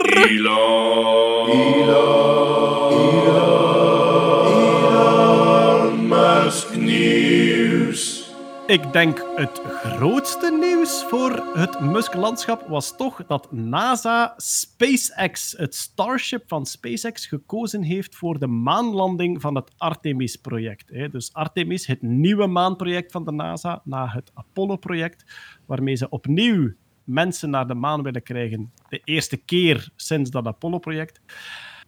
Er was al een beetje een competitie van, ik denk dat Boeing onder andere bemande ruimtevaartuigen wou leveren. Zelfs Jeff Bezos met zijn Blue Origin. Maar de NASA heeft gezegd, ja, SpaceX staat duidelijk het verst met het Starship. En dus hebben gezegd, Starship wordt ons ruimtetuig waarmee wij mensen naar de maan gaan brengen tijdens de jaren 20. Dus before this decade is over, there will be people on the moon again. Maar ja, ik vond het geweldig opwindend nieuws. Maar als we zien in welke fase dat die Starship momenteel zit, namelijk omhoog gaan en ontploffen bij het landen, denk ik toch dapper van de NASA dat ze nu al zeggen: jullie gaan dat doen eigenlijk. Bij gebrek Oh, ja. aan beter? Of, eh, Dat Ja. zou kunnen, ja. ja. Maar ook, ja, is, is dat nodig? Hoe hoe hoog is dat ding ook weer? Die Starship. Ja, Ja, alles samen is het meer dan 70 meter, denk ik. Hè? Met, de, met Ja. de booster eronder. En dan het Starship zelf, weet ik niet precies hoe hoog dat die is. Waarom, Het is ja, waarom dat dan? Dat is toch een, een grote, lompe, blikken zetpil? Waarom wil je daarmee op de maan landen? Waarom niet met zo'n zo'n schattige maanlander zoals Apollo 11 en 12? En- als je hem vergelijkt met de Eagle, is het Ja. inderdaad gigantisch veel groter. Maar ja, Musk zijn doel is Mars. En die is nu eigenlijk iets aan het ontwikkelen voor Mars. Maar als dat al genoeg op punt staat om naar de maan te gaan, dan neem ik aan dat de NASA zegt: oké, dan gaan we daarmee ook naar de maan. En dat zou voor SpaceX natuurlijk een gigantische bonus zijn, omdat ze dan een betaald project hebben, namelijk het maanproject betaald door de NASA, waarmee dat zij terug fondsen kunnen ontwikkelen om een verdere Marsontwikkeling verder te zetten. Want, en dat is een beetje, als je kijkt naar de planning, wanneer willen we landen op de maan? Die planning stond voor SpaceX eerder dan voor NASA.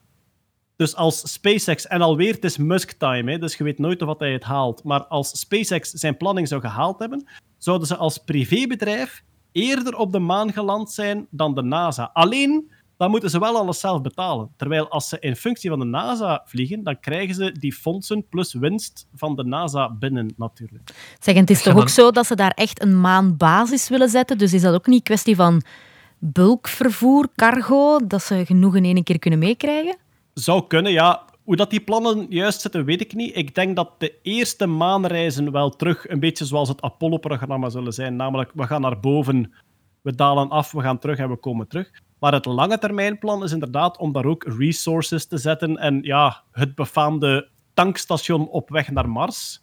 Dat je kunt eerst de zwaartekracht van de aarde overwinnen en dan op de maan kunt bijtanken om verder te vliegen naar Mars. Maar hoe dat, dat juist zit, dat weet ik eigenlijk niet. Ik had ook begrepen dat het ISS, hè, dat is nu zo wat stilletjes wat afgeschreven, zo. dat gaat dan een hotel Ja. worden of whatever. En dat de dingen die daar gebeurden, vooral wetenschappelijk onderzoek en zo, dat dat ook zou verplaatsen naar een basis op de maan. Dat is inderdaad plan A, dat het, een ruimtestation heeft een bepaalde houdbaarheid en het ISS zit daar eigenlijk al over, denk ik. En het plan zou zijn, in plaats van een nieuw ruimtestation rond de aarde te bouwen, gaan we het volgende ruimtestation in orbit rond de maan bouwen. Ah, de wel rond, niet erop. Ja. Nee, nee, de rond. Ah. Orbit rond de maan. Ik geloof wel dat ze er nog niet uit zijn of dat permanent bemand zou zijn. Omdat mensen en goederen naar 300 kilometer hoog sturen, zoals het ISS nu is, is wel nog iets anders dan ze naar 300.000 kilometer sturen, namelijk naar de maan. En dus was er even de vrees, ja, maar ja, zitten we dan niet met een ruimtestation waar we niet de permanente bemanning en experimenten kunnen hebben die we nu hebben, omdat het gewoon veel te energievretend en projectkostvretend is om ze tot daar te krijgen. Bon. Geen idee. Nu, ik zag ook staan in de plannen van Starship naar de maan sturen dat er vier astronauten naar orbit rond de maan gaan en er maar twee afdalen. Dus hè, je hebt dat typische verhaal van Michael Collins, de derde man in de allereerste... Ja, Michael Collins, de derde man in de Apollo 11 was het zeker.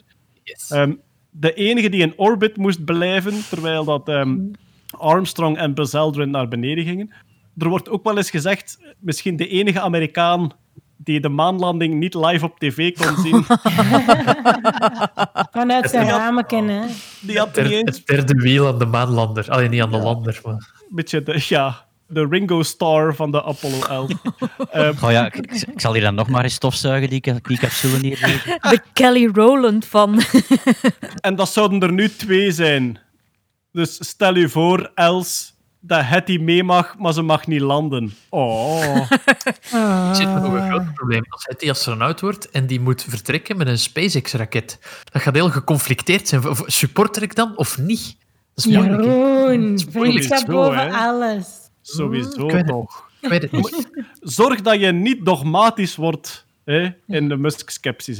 Ik, Ja, ik probeer niet dogmatisch te zijn in de team Musk. Iemand moet het doen. Iemand moet het doen. Ik zeg één ding, hè. Als die omhoog gaat met zo'n raket en er loopt iets mis, ik ga u weten te vinden. Wij allemaal. Jij het Jullie gejinxed. Jij het gejinxed.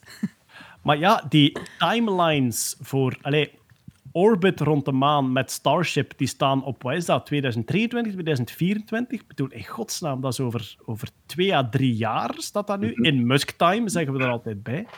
Maar dus, ja, het ziet er naar uit dat die maanlanding, dat die heel binnenkort eraan komt. Hè. Echt. En alweer, het kan zijn over een paar jaar dat we denken van, zie hoe naïef optimistisch we waren.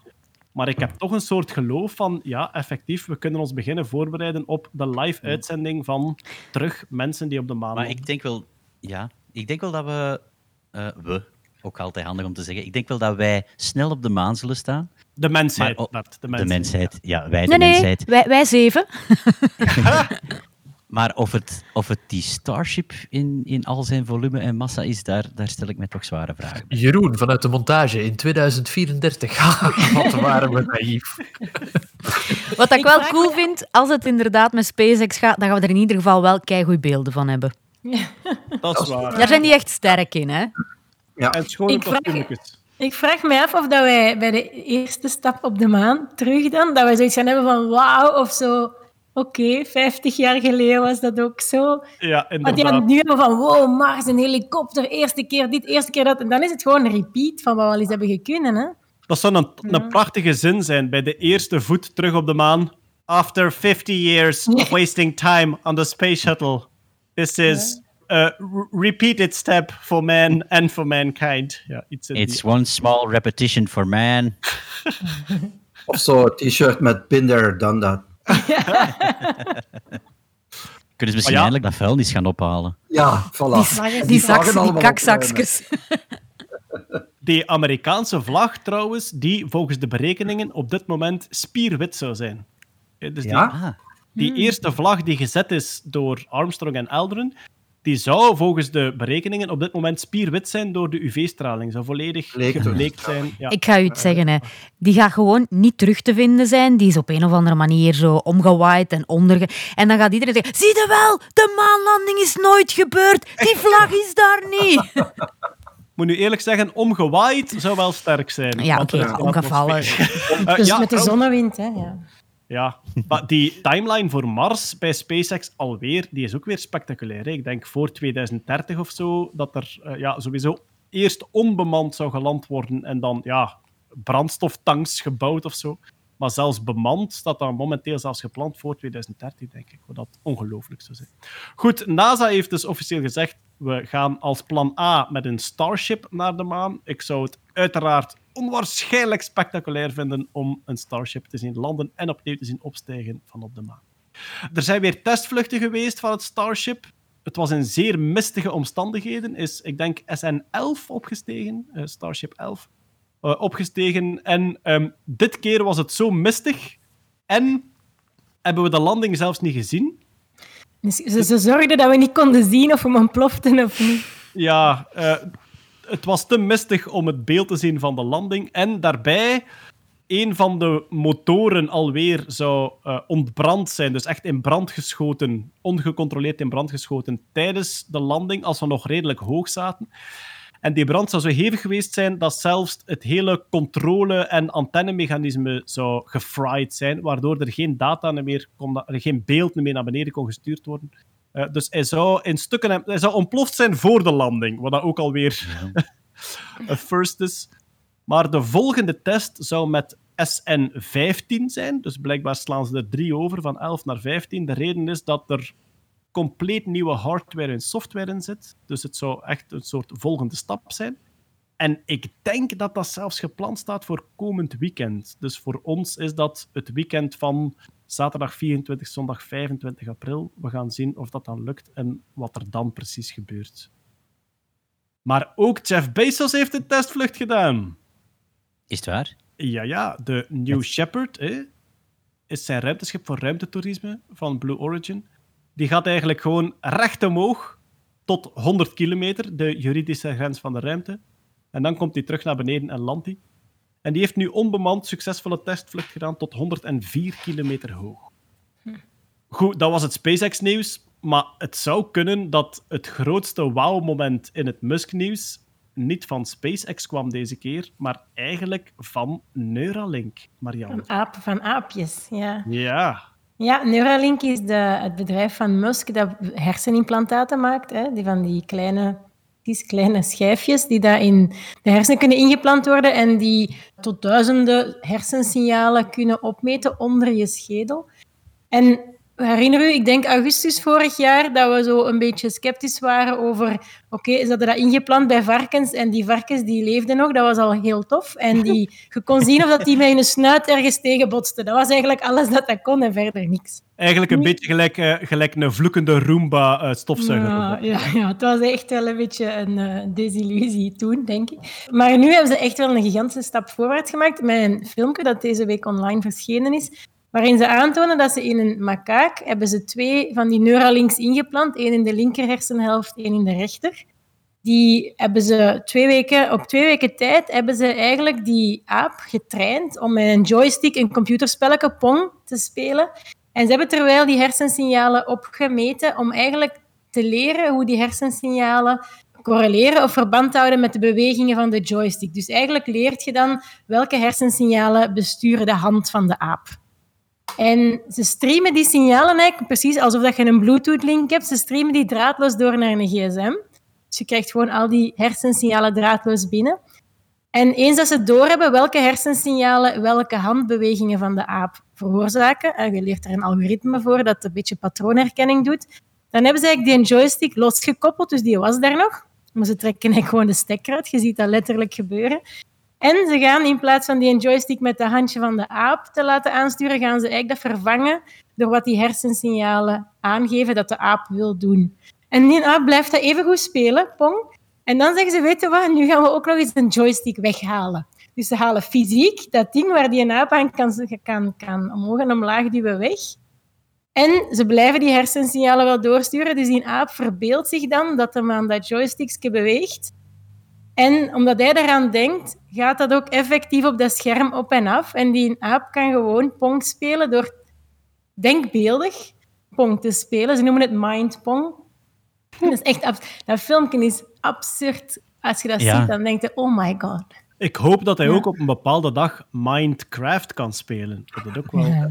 cool zou zijn. Maar inderdaad, ik zat ook naar dat filmpje te kijken en eerst zie je een aap die Pong speelt, wat ik op zich al tof vind. Die wordt eigenlijk wordt hij een beetje getraind gelijk een AI-netwerk. Namelijk, die krijgt een soort lekker voedselke rozijnen. Bananenmilkshake. Aha, ja, die krijgt bananenmilkshake als hij wint in Pong. Mm -hmm. En Mhm. ja, bij alle dieren is zo'n soort voedselversterking is eigenlijk ja, de beste manier om ze iets aan te leren. En dan zie je, en dat vond ik echt het koude rillingen moment van dat filmpje. Je ziet in een aap Pong spelen, daar zit een kut in en je ziet die nog altijd Pong spelen. The monkey is still playing the game. But look at the joystick. It's not connected. En, dat en je ziet echt dat stekkerke hangen. Zo. Ze hebben die stekker uit in een joystick getrokken en die een aap speelt Pong, maar de besturing van de computer zijn zijn hersengolven en niet meer in een joystick. En dat vond ik echt van, oh. Ja. Ja. Ja, en vooral vond ik, daarna zie je dat, dat ze die joystick gewoon hebben weggehaald. Ze zo'n gat in de muur. Ja. En dat blijft gewoon doorspelen. Ja. Hoe gek voor dat beest. Dus die, die denkt, hé, hey, ik kan dat stipken op dat scherm, ik kan dat besturen. Dat doet gewoon wat ik denk. En dus ja, alweer de, een, een toekomstbeeld is dat we op die manier ons sms'en en ons interactie met onze computers doen. Of het zover komt, dat weet niemand. Maar ja, de proof of concept is er nu wel al in prima. dit vind ik echt wel een gigantische stap vooruit als je dat vergelijkt met waar dat we amper eh, een goede half jaar geleden stonden, of waar dat zij toen stonden. Ja. Ja.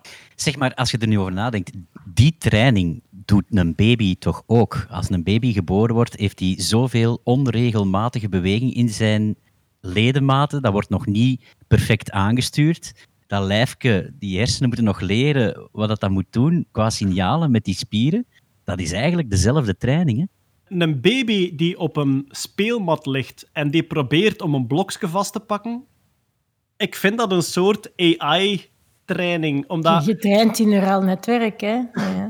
Er is ooit een robothand gemaakt en die werd via AI, dus niet via hardcoding, maar zuiver via AI en reinforcement learning, werd die geleerd als die een kubus vast had, om die met een bepaalde kant naar boven te draaien. En hoe hebben ze dat gedaan? Ze hebben die hand 150 jaar laten oefenen. Op Hoe vier uur. Eh, wel, ja, inderdaad. Hoe doe je een hand 150 jaar oefenen? Je maakt daar een digital twin van. Dus je maakt daar een softwareversie van die perfect op dezelfde manier reageert. En die hebben ze dan heel snel laten draaien. En als je kijkt naar de verschillende filmpjes van die hand die aan het oefenen is, dat kwam mij heel kinderlijk over. Als zijnde echt zo proberen en zo een keer met die pink duwen en mislukken. En, en ik heb vaak het gevoel dat wij inderdaad in ons kleuterjaren een soort AI-training van ons biologisch neuraal netwerk doorgaan. Natuurlijk. Tuurlijk. Ja. Veel Maar je hebt zo, soortgelijke filmpjes van zo robotjes met vier pootjes die eigenlijk zelf leren lopen. Ja. En je ziet ook in het begin doen die dat alleen met hun voorste pootjes en dan zo wat half. En na een tijdje beginnen die te kunnen lopen. Dat is een beetje hetzelfde verhaal. Ja, ja.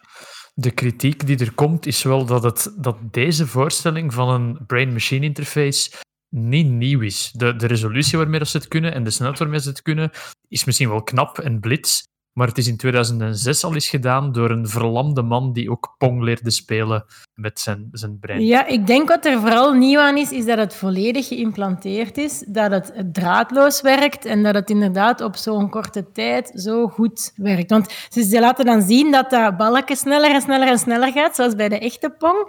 En die naap die kan echt die, die, die balkjes op en neer laten flippen. Dat gaat ik weet niet hoe goed. In Dus ik denk- 2014 ja. zou de draadloze brain-interface ook al bestaan hebben. Ja, natuurlijk heb ik anti-Musk dingen opgezocht. natuurlijk, maar Ah, Jeroen, laat ons in onze verwondering. Ik heb op Twitter de vraag gesteld van ik kan als niet-neurowetenschapper niet inschatten hoe nieuw of hoe grensverleggend dat, dat is. Ik, ik- dat filmpje zit goed in elkaar. Dat moment van, oh mijn god, de joystick is niet aangesloten. Ja, natuurlijk, ik heb ook... maar ik kon niet inschatten hoe nieuw dat het is. En de commentaar die ik lees is toch van, ja, dit is blitz voorgesteld, maar dit is niet nieuw. Maar Jeroen, ik denk dat we hier op een heel belangrijk punt zitten. En dat is de core business van alles wat Elon Musk doet, is de performantie opdrijven en vooral het goed combineren van bestaande technologie. Elon Musk niet op een zich... tunnel was ook niet nieuw, hè? Allee. Nee, ja. Allee, en, en, dus ik snap die kritiek. En, en dat is een van de punten waarom dat je eh, sceptisch mocht zijn ten opzichte van Elon Musk. Net zoals, eh, allee, dat is een beetje het, eh, het Nicolas Tesla versus eh, Edison verhaal dan een beetje. Dus dat gaat over het, het, ja, dat is het verschil tussen een conceptuele innovator en een, een technische productiegerichte innovator. En Elon Musk is dat laatste, dus die, die is heel goed met geldstromen, die is heel goed met het combineren. Ik bedoel, dat is, bedoel, pas op, technisch is die mee, hè. dat is een ingenieur die al die technologieën tot het, het, op, het, op het fundamenteelste niveau snapt. Maar die is heel goed in performantie opdrijven, eh, structuren opzetten en zorgen dat alles gedaan geraakt. En... Je dat Elon Musk een concept pakt en het concept groter en beter en, en, en larger maakt? Een beetje zoals hij zegt van, hm, sommige mensen zijn eikels op het internet. Wat als ik de eikel op het internet groter, beter, performanter zou kunnen maken? Ja. Ik, ik kan iedereen wel die biografie van Musk aanraden, omdat je dat daar... niet. Eh, ja, voilà. Maar omdat je dat daar heel goed in ziet, inderdaad, Bart, waar je zegt dat hij combineert, eh, kijkt wat er werkt en ja, innoveert inderdaad vanuit dat, dat organisatorische. Wat ik daar prachtig aan vond, is dat SpaceX begonnen is met een team gekken op een eiland in de Pacifische Oceaan die gewoon raketten lieten ontploffen. Hetgeen dat je nu gewoon nog altijd ziet in hetgeen dat ze doen. De lucht insturen, ontploffen, zien wat er misging en opnieuw doen. Dus die biografie van Musk is geweldig boeiend. Wat dat je volgens mij hier ziet, Jeroen, en dat, dat klopt wel met uw analyse, dit is alweer een recruiting filmpje. Hè. Neuralink Ja. zoekt talent. Neuralink zoekt experts die bij hen komen werken om dat verder te drijven. En als zij nu spektakel maken op het internet, is het motief bijna altijd: kom bij ons werken. Wij zijn fantastische dingen aan het doen. Kom bij ons dingen doen, want wij hebben volk nodig. Maar Jeroen, dat gezegd zijnde, ga ik u nu even vrije baan geven voor de Musk-skepsis. Want er is een nieuwe innovatie in de Boring Company. Oh mijn god, Eh, ja. Dus er zijn tunnels waar auto's door konden rijden. De tunnels waren te klein, omdat er, dat de auto's niet zelf konden rijden. Dus de auto's moesten er eh, bestuurd op een karretje doorrijden. En nu is er een nieuwe innovatie. Omdat één auto per keer een beetje te weinig is, gaan ze er nu een soort elektrisch busje doorsturen, Jeroen. Inderdaad, ja. In Las Vegas is er een Hyperloop in gebruik genomen, die dat dus inderdaad, het is een konijnenpijp, waarin dat je in één specifieke soort Tesla van de ene kant naar de andere kant kunt tuffen aan 35 per uur. En ja, ze hebben Met toch lichtjes, Jeroen, is met, ja, lichtjes. Er zijn ook RGB-lichtjes onderweg, dat is waar. De titel kan rood of blauw of paars zijn of geel of elke kleur van de regenboog. Dat is toch echt, als je, als je in 2021 iets futuristisch wil laten lijken, moet je een er gewoon RGB-lamp. Ja. een, een RGB-strip opplakken die zo'n beetje in een grade heen en weer van kleurtjes gaat eigenlijk. Hè. Ik stel voor dat we een stoommachine bouwen waarvan alle cilinders afgelijnd zijn met RGB-lampjes. Zo Charles Babbage's Analytical Machine, maar dan met RGB of zo. 15 ton staal. Gaat dit later heropgevist worden als RGB-punk? Oh ja! Oh, top. In 2050 doen we allemaal RGB-punk. Ja. Maar dus de konijnenpijp voor rijke mensen die niet naast minder rijke mensen op de metro willen zitten. De, de volgende evolutie is, verdorie, één per één zo'n auto, dat gaat te traag. We gaan van Tesla uit, gaan we kleine busjes maken waar 6 tot 12 personen in kunnen, om die gemakkelijker door de konijnenpijp te duwen. En langzaam maar zeker vindt Elon Musk het concept metro terug uit. Geef het nog een paar jaar en dat is een metro. Maar opnieuw, dus ik, ik zag dat en ik moest opnieuw denken van, natuurlijk, dat kan alleen in Las Vegas gebeuren, waar het volloopt met zotten met veel te veel geld. En ik dacht van, ja, die implementatie... Ik vind het ook echt waanzinnig... Allee, te waanzinnig om, om waar te zijn, zoals het daar geïmplementeerd is. Maar het is wel iets waar dat volgens mij heel veel geld door naar, ja, naar hem stroomt. Waarmee hij zijn iets serieuzere fanbasis of zijn, zijn iets credibelere projecten weer wat ja, kan ondersteunen, denk ik. Maar dat is wel heel gemakkelijk als je al je idiote projecten kunt afdoen als oh nee, nee, dit is gewoon geld verzamelen. Allee, Maar dat is een kwestie van doelgroepen, denk ik. Er zit een plan achter, Jeroen. Er zit een plan achter. Ja, weet je hoe dat je klinkt als je constant zegt: nee, nee, nee, nee, trust the plan. Ja, ik Ik weet ook niet als- van Musk of we trust the plan moeten Ja, dan, dan eindigde met Anderlecht op dit moment. Dat is waar. Ja, dat klopt. Trust the process. Trust the process. Goed, eh, we hebben nog één iets gestaan bij het Musk-nieuws. En het komt uiteraard van onze goede vriend Jeff Bezos. Want er komt geen vakbond bij Amazon. Nee, er is heel hard gelobbyd van Amazon tegen de vakbond. Ze hebben zelfs medewerkers sms'jes gestuurd met ja, je doet wat dat je wilt, hè, instemmen voor die vakbond. Maar bij de onderhandelingstafel aan de vakbond kan het zijn dat jullie met lege handen naar huis gaan. Maar doe voor de rest wat dat je wilt. Hè. Ehm, er is heel veel commentaar geweest op Amazon. Er ook, ook hun eh, omstandigheden in hun fulfillment centers. Dat zijn niet gewoon pakjescenters, dat zijn fulfillment centers. Waar dat er ja, gerapporteerd zijn dat mensen geen tijd genoeg krijgen om naar de wc te gaan. En een of andere Amazon-medewerker had het idee gevonden van we gaan onze Twitter-account inzetten om dat soort ideeën te ontkrachten. Die hebben toen een verschrikkelijk toondove bericht gestuurd van ha, dat van die mensen die in flesjes pissen, dat geloven jullie toch niet zeker? Iedereen hier is hier kei blij, iedereen werkt hier graag. En dan zijn er toch getuigenissen boven gekomen van Amazon, mensen die met een Amazon-wagentje rijden, die daar regelmatig ja, hun kak in een zak moeten doen, omdat ze geen Ja, tijd hebben voor een sanitaire pitstop. En dan heeft Amazon het volgende moeten zeggen. Oké, het kan zijn dat er enkele van onze vrachtwagenchauffeurs in een zak kakken, maar dat is niet alleen, dat is niet alleen een probleem bij Amazon.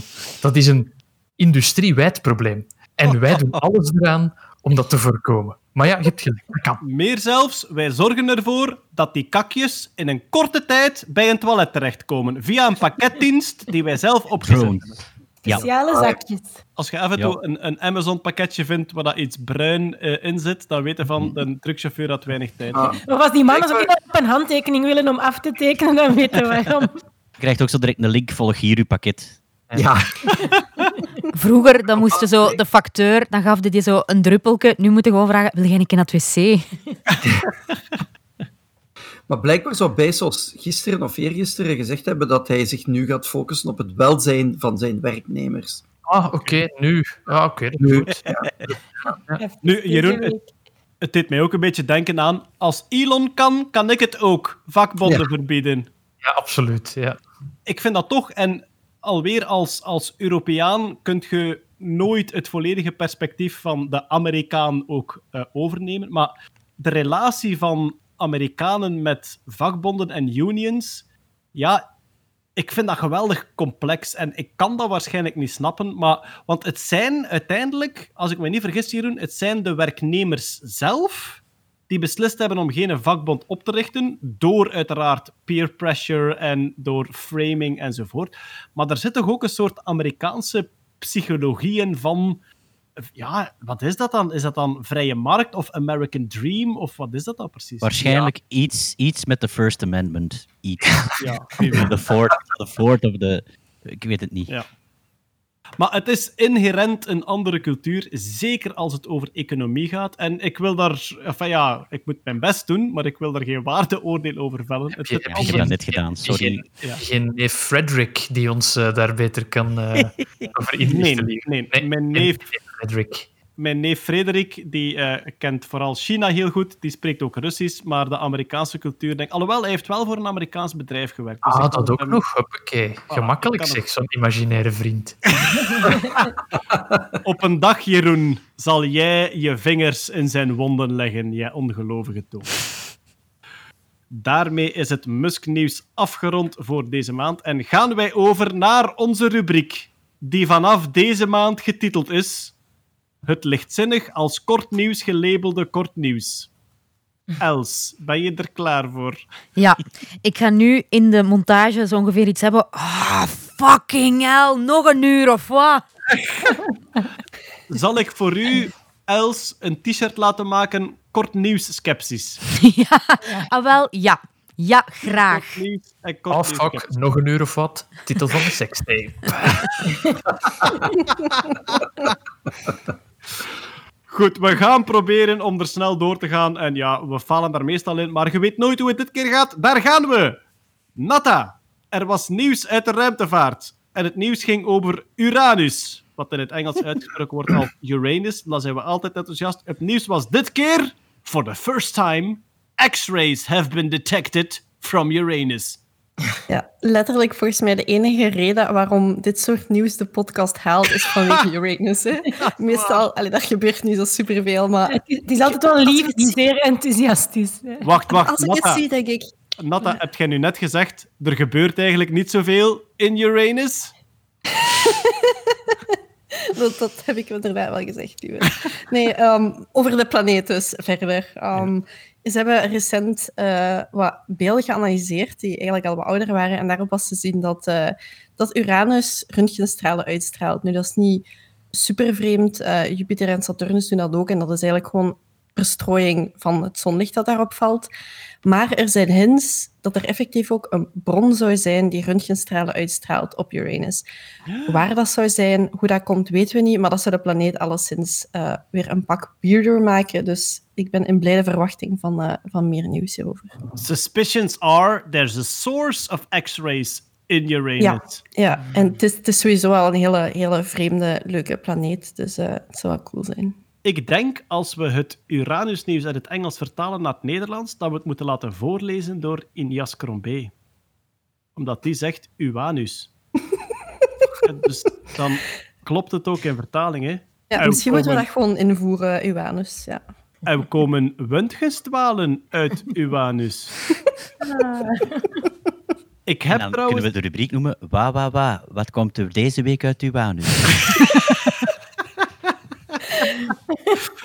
ehm, Graag, graag. Ik heb trouwens ontdekt dat eh, vele Amerikanen spreken over Uranus. Huh? Blijkbaar mag dat ook. En dus vele Amerikanen, gewoon om de gêne te vermijden. Waarom zou je dat nu doen? Gêne vermijden. Spreken die over Uranus in plaats van over Uranus? Eh, ja, een gerelateerd nieuwtje dat ik gehoord heb in de podcast van eh, No Such Thing as a Fish. Ik weet niet of iemand van jullie bekend is met de zalf Anusol. Nu wel. Nee. Even een quizvraag. Op welk lichaamsdeel gebruik je de zalf anusol? Op, op uw neus? Je ogen.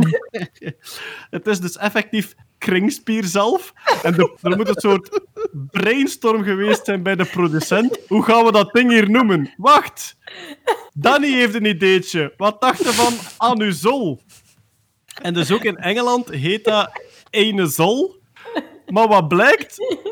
De producent houdt vol dat de uitspraak is anesol.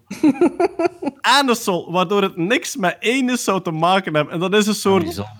Dat is een soort Maar dat is toch echt wel gênant zo in de apotheek. Je hoopt toch dat dat soort middelen dan een beetje een onbekende naam heeft, maar dan, allee, als dat apotheker dat dan zo roept, hier is, een- hier is een aan uw zool. Ja. Ik stel dat ook in... eh, Mariette, hebben wij nog aerosol? anusol? Anusol! Maar tegen, tegen aanbijen is het trianal, had ik onlangs nodig. En die anal laat ook al niet veel aan de verbeelding. Drie aan al. Hoeveel... eh, Drie aan al. hoeveel- Ja, hoe- hoeveel jij er? Ja, wel, Nee, twee te veel, zo blijkt. ja. Trianal klinkt meer als de naam van de darkroom in een homobar. Geen sponsor, trianal. Als die ons willen sponsoren, mogen ze altijd mailen. Ja, voilà. Ik vroeg me gewoon af of eh anusol ook in aerosol uitvoering bestond. Maar goed, laten we tegen- dat maar knippen. Dat is tegen flatulentie, denk ik, ja. Ja, meestal als je anusol nodig hebt, zeggen ze, laten we dat maar knippen. Dat klopt. Eh, goed. Jezus. Eh, Dit is een podcast op wetenschap. Ja, dat schijnt. Wij zijn zelden op scatologie gericht. Ja. Goed, volgende nieuwsje. Peter, eh, waterstof wordt vaak genoemd als nieuwe brandstof. Hè. Waterstof is, een, ja, is een, een stof waar veel energie in zit. Ja. Ik zeg er wel altijd bij, waterstof is geen energiebron, is een energiedrager. Namelijk, je moet waterstof creëren. Olie komt uit de grond met de energie erin. Waterstof moet je maken door er energie in te stoppen uit de zon of uit andere energiebronnen. Groot Ja. probleem is dat dat geweldig instabiel is en daarom moeilijk en onder grote druk in auto's en vliegtuigen gestopt zou worden. Maar er wordt al heel lang gezocht naar... Kunnen we niks verzinnen om dat ja, via andere... maken ja, vooral, hè? vei- veiliger en stabieler te maken. Ja. Ja, ja, ja. En daar zou nu een soort pasta ontwikkeld zijn. Eigenlijk is het een verbinding van magnesium met waterstof. Dat wordt dan magnesiumhydride. Gemengd met dan nog een aantal andere stofjes, zou dat een soort pasta opleveren die je in cartridges kunt in je wagen steken. Wat je dan moet doen, is er gewoon water aan toevoegen. Dus je tankt daarna gewoon. Dus steek zo'n cartridge in je wagen. Je tankt water. En in uw wagen zit eigenlijk dan nog een fuelcel, dus een brandstofcel. Wat gebeurt er dan? Die magnesiumhydride kan reageren met het water. Op dat moment produceert het waterstof. Die waterstof gaat naar uw brandstofcel. Die brandstofcel het drijft eigenlijk dan een elektrische motor aan die uw wagen doet verder rijden. Dus je hebt geen batterij nodig. Het werkt eigenlijk op eh, brandstofcellen. Hè? Maar je zegt net cartridges, wil dat zeggen dat ook mijn auto vanaf nu gaat zeggen de cartridge is bijna op. Ja, Je moet de cartridge vervangen. je moet de cartridge vervangen. Ja, dat klopt. ja. Dat je merkt dat de snelweg af en toe zo iets te veel blauwkleuren bevat. Omdat voor u de verkeerde Maar ook- cartridge... Of het Maar, maar dat, dat ook gaat, ja, dat dat ook gaat zeggen van, je hebt nog magnesiumhydrides, hè, maar uw natriumhydride is op, dus ik ga u uw magnesiumhydride niet geven. Je moet alles tegelijk Je vervangen. moet alles tegelijk vervangen. Of Ja, dat hij nu- bijvoorbeeld zegt, uw, uw cartridge is leeg, terwijl die nog half vol is. Zo. Bijvoorbeeld. Maar Ja. het is nieuws dat af en toe eens naar boven komt. Namelijk, we hebben een stabielere manier gevonden om waterstof te bewaren. Ja, nu heet het eh Power Paste, geloof ik. PowerPaste, ja. Daar is een Duits instituut mee bezig. En op dit moment zou het eh, nu getest worden voor eh, scooters. Nog niet voor auto's, maar voor scooters. Ja. Maar dat is goed, dat is iets Eh, om in de gaten te houden. Maar Het, voordeel, het voordeel van die pasta is dat die zelf pas, die magnesiumhydride, uiteenvalt pas boven de 280 graden. Dus je kunt je auto in de zon laten staan, dan is dat nog geen probleem. Ja. Maar dus de, de energie wordt pas opgewekt als er water gedoseerd wordt. En dat doet je wagen dan zelf. hè. Je tankt water in, in de reservoir. En het is de wagen zelf die dan doseert, oké, zoveel water bij hydride, en die dan voldoende waterstof produceert. Maar het zou een gigantische oplossing zijn als we een vloeistof kunnen vinden, of een Ja. vaste stof, zoals benzine, die heel stabiel is en waar heel veel energie in zit, in plaats van de batterijen die we nu hebben, die wel altijd maar beter worden, maar als we gewoon Ja. onze bestaande manier van rijden, een energiedrager die je elektrisch kunt maken, maar die wel dezelfde convenience heeft van benzine, zou een gigantische oplossing zijn. Of dit het dan wordt, ja... Ja, dat is maar de vraag natuurlijk. Hè. Ja, ja, ja. Maar heel dat idee van, we hebben iets dat chemisch heel instabiel is, die waterstof, en we maken dat stabieler door daar iets aan toe te voegen, ja, dat doet een beetje denken aan dynamiet. ja had- absoluut. ja. dat is waar. Nitroglycerine en dan wordt daar bentoniet aan toegevoegd. Hè. Of kiezelwier of zaagsel. Ja, dat is, dat is eh, ja. bentoniet is kiezen. Dus nitroglycerine, een vloeistof die geweldig explosief was, maar zeer moeilijk te vervoeren was, waardoor dat er in de mijnbouw vele ongevallen gebeurden. Je had dan, als ik mij niet vergis, een zoon van een mijnbouwer die graag wou dat er minder ongevallen gebeurden. En die dan ontdekte, als je nitroglycerine mengt met kiezelwier, een soort kleine, poreuze, bijna zandachtige eh ja, het is eigenlijk een soort kleiachtig. Hè. Ja, Ja. Als je nitroglycerine daarmee mengt, wordt dat veel stabieler. Dat ontploft niet meer vanaf de minste aanraking, maar je kunt dat wel doen ontploffen met een lont, waardoor het aantal ongevallen in de mijn daalden. Ja. Alleen werd die dynamiet ook gebruikt om overvallen mee te plegen en om militaire doeleinden, waardoor de uitvinder van het dynamiet, de Merchant of Death werd die genoemd, de Merchant of Death, en die man dacht, ik wil toch niet herinnerd worden als de Merchant of Death, Misschien moet ik met mijn fortuin Ik wil een iets nobeler doel. Hè. Voilà. Misschien moet ik met mijn fortuin een wetenschapsprijs oprichten, dat de mensen mij herinneren als promotor van de wetenschap in plaats van Merchant of Death. En die man was Alfred Nobel natuurlijk. Hè. Yes. Dus die heeft met het fortuin dat hij het dynamiet gehaald heeft, de Nobelprijs opgericht om voor iets nobeler herinnerd te worden dan omwille van de uitvinding Maar het het, is exact dezelfde, eh, hetzelfde principe. Hè. Je gaat Ja. iets, heel, eh, iets heel instabiel. Er is een aantal jaren geleden ook zo een systeem geweest waardoor je die waterstof in een soort poreus aluminium kon, kon opslaan. Ah ja, oké. Ja. Maar ja, af Ja. en toe komt er iets boven. En als er iets Ja. dat echt, dat echt slaagt, is het een gamechanger voor de eh, energietransitie. Dat sowieso. Volgend nieuwsje. Bart, ik denk dat iedereen zich eventjes moet gaan zetten. Ja. Want Pimskoekjes, voor de mensen die ze kennen, Pimskoekjes, hè, zo'n Ja. soort biscuitlaag met dan appelsien en daar chocolade over. Ach, Pardon, Peter? Ja, geen fan. Geen fan. Ik sluit Eh, mij aan bij Peter. maar fijn. Dat zijn van die... nee, Je hebt een paar koekjes die een handleiding hebben. Bij Pims is dat, Ah, je moet de bovenkant van de onderkant doen. Eerst het, het minst lekkere opeten, het biscuitje. Dan Maar- de chocolade. En dan zo dat glibberige tussenstukje zo in je mond. Zo. Ja. Nee, Els, nee.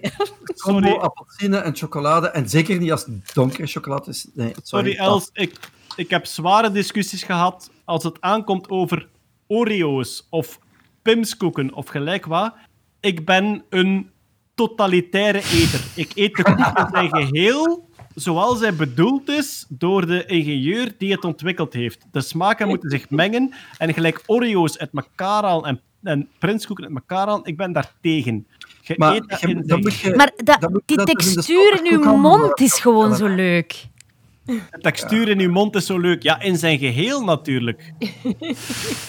Swat, we wijken af. Oh, Jeroen, je staat gemute. Ja, wat wat Je keihard zeggen. je Titel van je sekstape. je Titel van je sekstape. Je mag niet voor God spelen met koekjes. Nee. Ah, ik ben het er volledig mee eens. Dus je eet de koek zoals hij bedoeld is, zonder dat je gaat variëren op het recept en blablabla doen met het appelsienstukje dat in de Pimskoek zit. Maar, dus ik weet dat er bij Pimskoekjes love it or hate it eh believers zijn. Jelle de Beulen van Neveneffecten is een Pimskoek-hater bijvoorbeeld. Die zegt van sorry, maar eh biscuit en chocola tot daar aan toe, maar als je daar appelsien bij gooit, vind ik het vreselijk.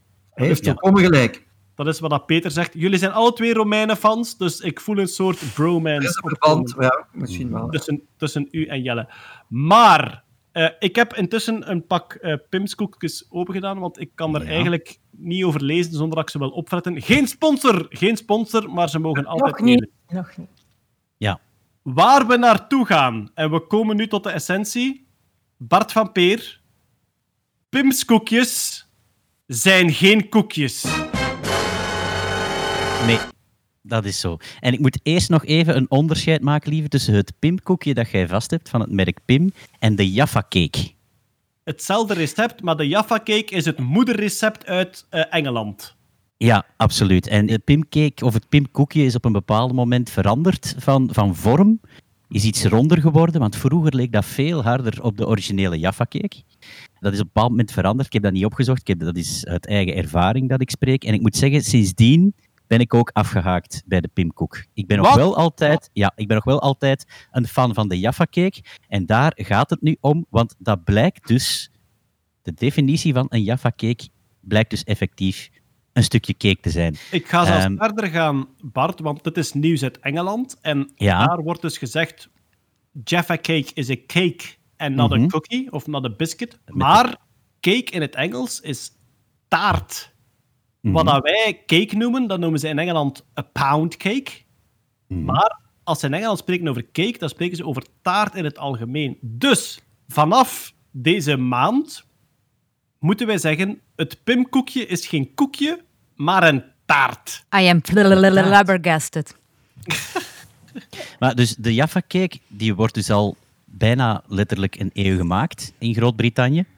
En die hebben dat eigenlijk altijd als taart beschouwd, de makers zelf. Tot in 1991 eigenlijk de Belastingdienst daar eens naar gekeken heeft en gezegd van, zeg, wacht eens, het staat in de koekenrayon. Het is klein. Je eet het met je handen. Dat, dat is gemarket en gepackaged als een koekje. De Jaffa Cake is eigenlijk een koekje. De makers van de Jaffa Cake hebben dat betwist. Waarom? Omdat koekjes veel duurder belast worden in Groot-Brittannië dan taart. Dus dat is, tot, dat is effectief tot een rechtszaak gekomen. En um, de makers van de Jaffa Cake hebben die rechtszaak gewonnen. Waarom? Wat is het doorslaggevende argument? Een koekje wordt wak met de tijd, een cake wordt hard met de tijd. Dus die begint zacht en wordt hard. En Jaffa cakes, zowel als pimkoekjes, die beginnen zacht en die worden hard. Als, en daarom als moet het pak altijd van eerste keer leeg eten. Voilà. Daar zit zeker iets in. Een pak pims kun je alleen maar leeg eten. Het begint zacht ja. en het wordt hard is trouwens ook de titel van mijn... van mijn biografie, hè? Jeroen zegt er dan ook, en het is geen koekje. In de loop der jaren is die iets ronder geworden. Um... Zeg maar, is dat niet de eerste vraag in een darkroom? Zeg je meer een koekje of een cake? Ja? maar Bart, was maar dus dat was, dat was... AI dat er ah, wel. Wel, ja, wel ja, dus dat was het doorslaggevende element in die rechtszaak was dat daar, het begint zacht en het wordt hard. Nu, die discussie is wel blijven woeden. Die hebben dat gewonnen, die rechtszaak, de makers. Maar die discussie die is al die jaren nog altijd gaande. Van, is de Jaffa cake nu eigenlijk een koekje of een cake? En nu is er... Ik, heb eigenlijk niet opgezocht wie het gedaan heeft, maar een paar gekken. Nee, ik denk dat het ene gek was. En die heeft met AI voor eens en voor altijd bepaald dat de Jaffa cake wel degelijk een cake is een cakeje en geen koekje. Op basis van het recept, denk ik. Hè? Ja, dat, dat is natuurlijk niet helemaal mijn riool, dus ik weet niet welk type van artificial intelligence dat was. Maar um, hij heeft die recepten gevoed, 50 recepten van cakejes gegeven, tegen de 40 recepten van koekjes. En um, dus een klassieke labelingsopdracht. Hè. Kijk daarnaar, kijk naar die recepten, kijk welke ingrediënten dat erin zitten. Uh, dat waren de parameters die ingevuld moesten worden. En dan ga ik u straks twee recepten geven van Jaffa cakes, twee verschillende recepten. Bepaal mij of jij die labelt als een cake of een koekje. En de artificial intelligence was eenduidig. Het, het was zeer duidelijk een cakeje. Met 95% zekerheid ja. is de Pimskoek een taart. Ja. Volgens het AI-systeem. Ik heb die rechtszaak opgezocht, want allee, dat is voor mij dit is van te smullen. Hè. De rechtszaak. Oh. De rechtszaak uit 1991. Wat blijkt? In Engeland wordt bepaalde soorten voedsel worden vrijgesteld van BTW, omdat ze levensnoodzakelijk zijn, hè, zoals brood enzovoort. Nu, de bakker dacht vroeger bij zichzelf: ja, maar ja, ik ben toch vrijgesteld van BTW, dus ook mijn taarten zijn vrijgesteld van BTW. Wat staat er letterlijk in het Engelse wetboek? Taarten waar chocolade op zit, moeten geen BTW betalen. Dat is levensnoodzakelijk. Koekjes waar chocolade op zit, moeten wel BTW betalen. En dus zei de Jaffa Cake zei vroeger, ja, maar wij zijn een taart. En daar is dan een rechtszaak van gekomen. Die kunt je opzoeken online, 1991.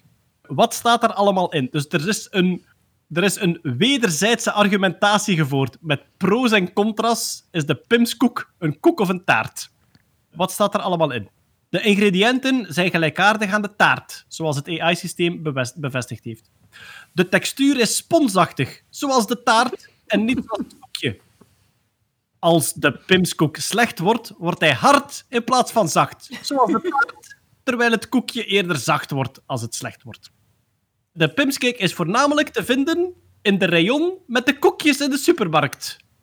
Hij wordt gegeten met de vingers in plaats van met mes en vork, zoals de taart. Kinderen eten de pimskoek meestal in één keer en met enkele they eat them in a few mouthfuls in the manner of a biscuit. Dus, Behalve Els.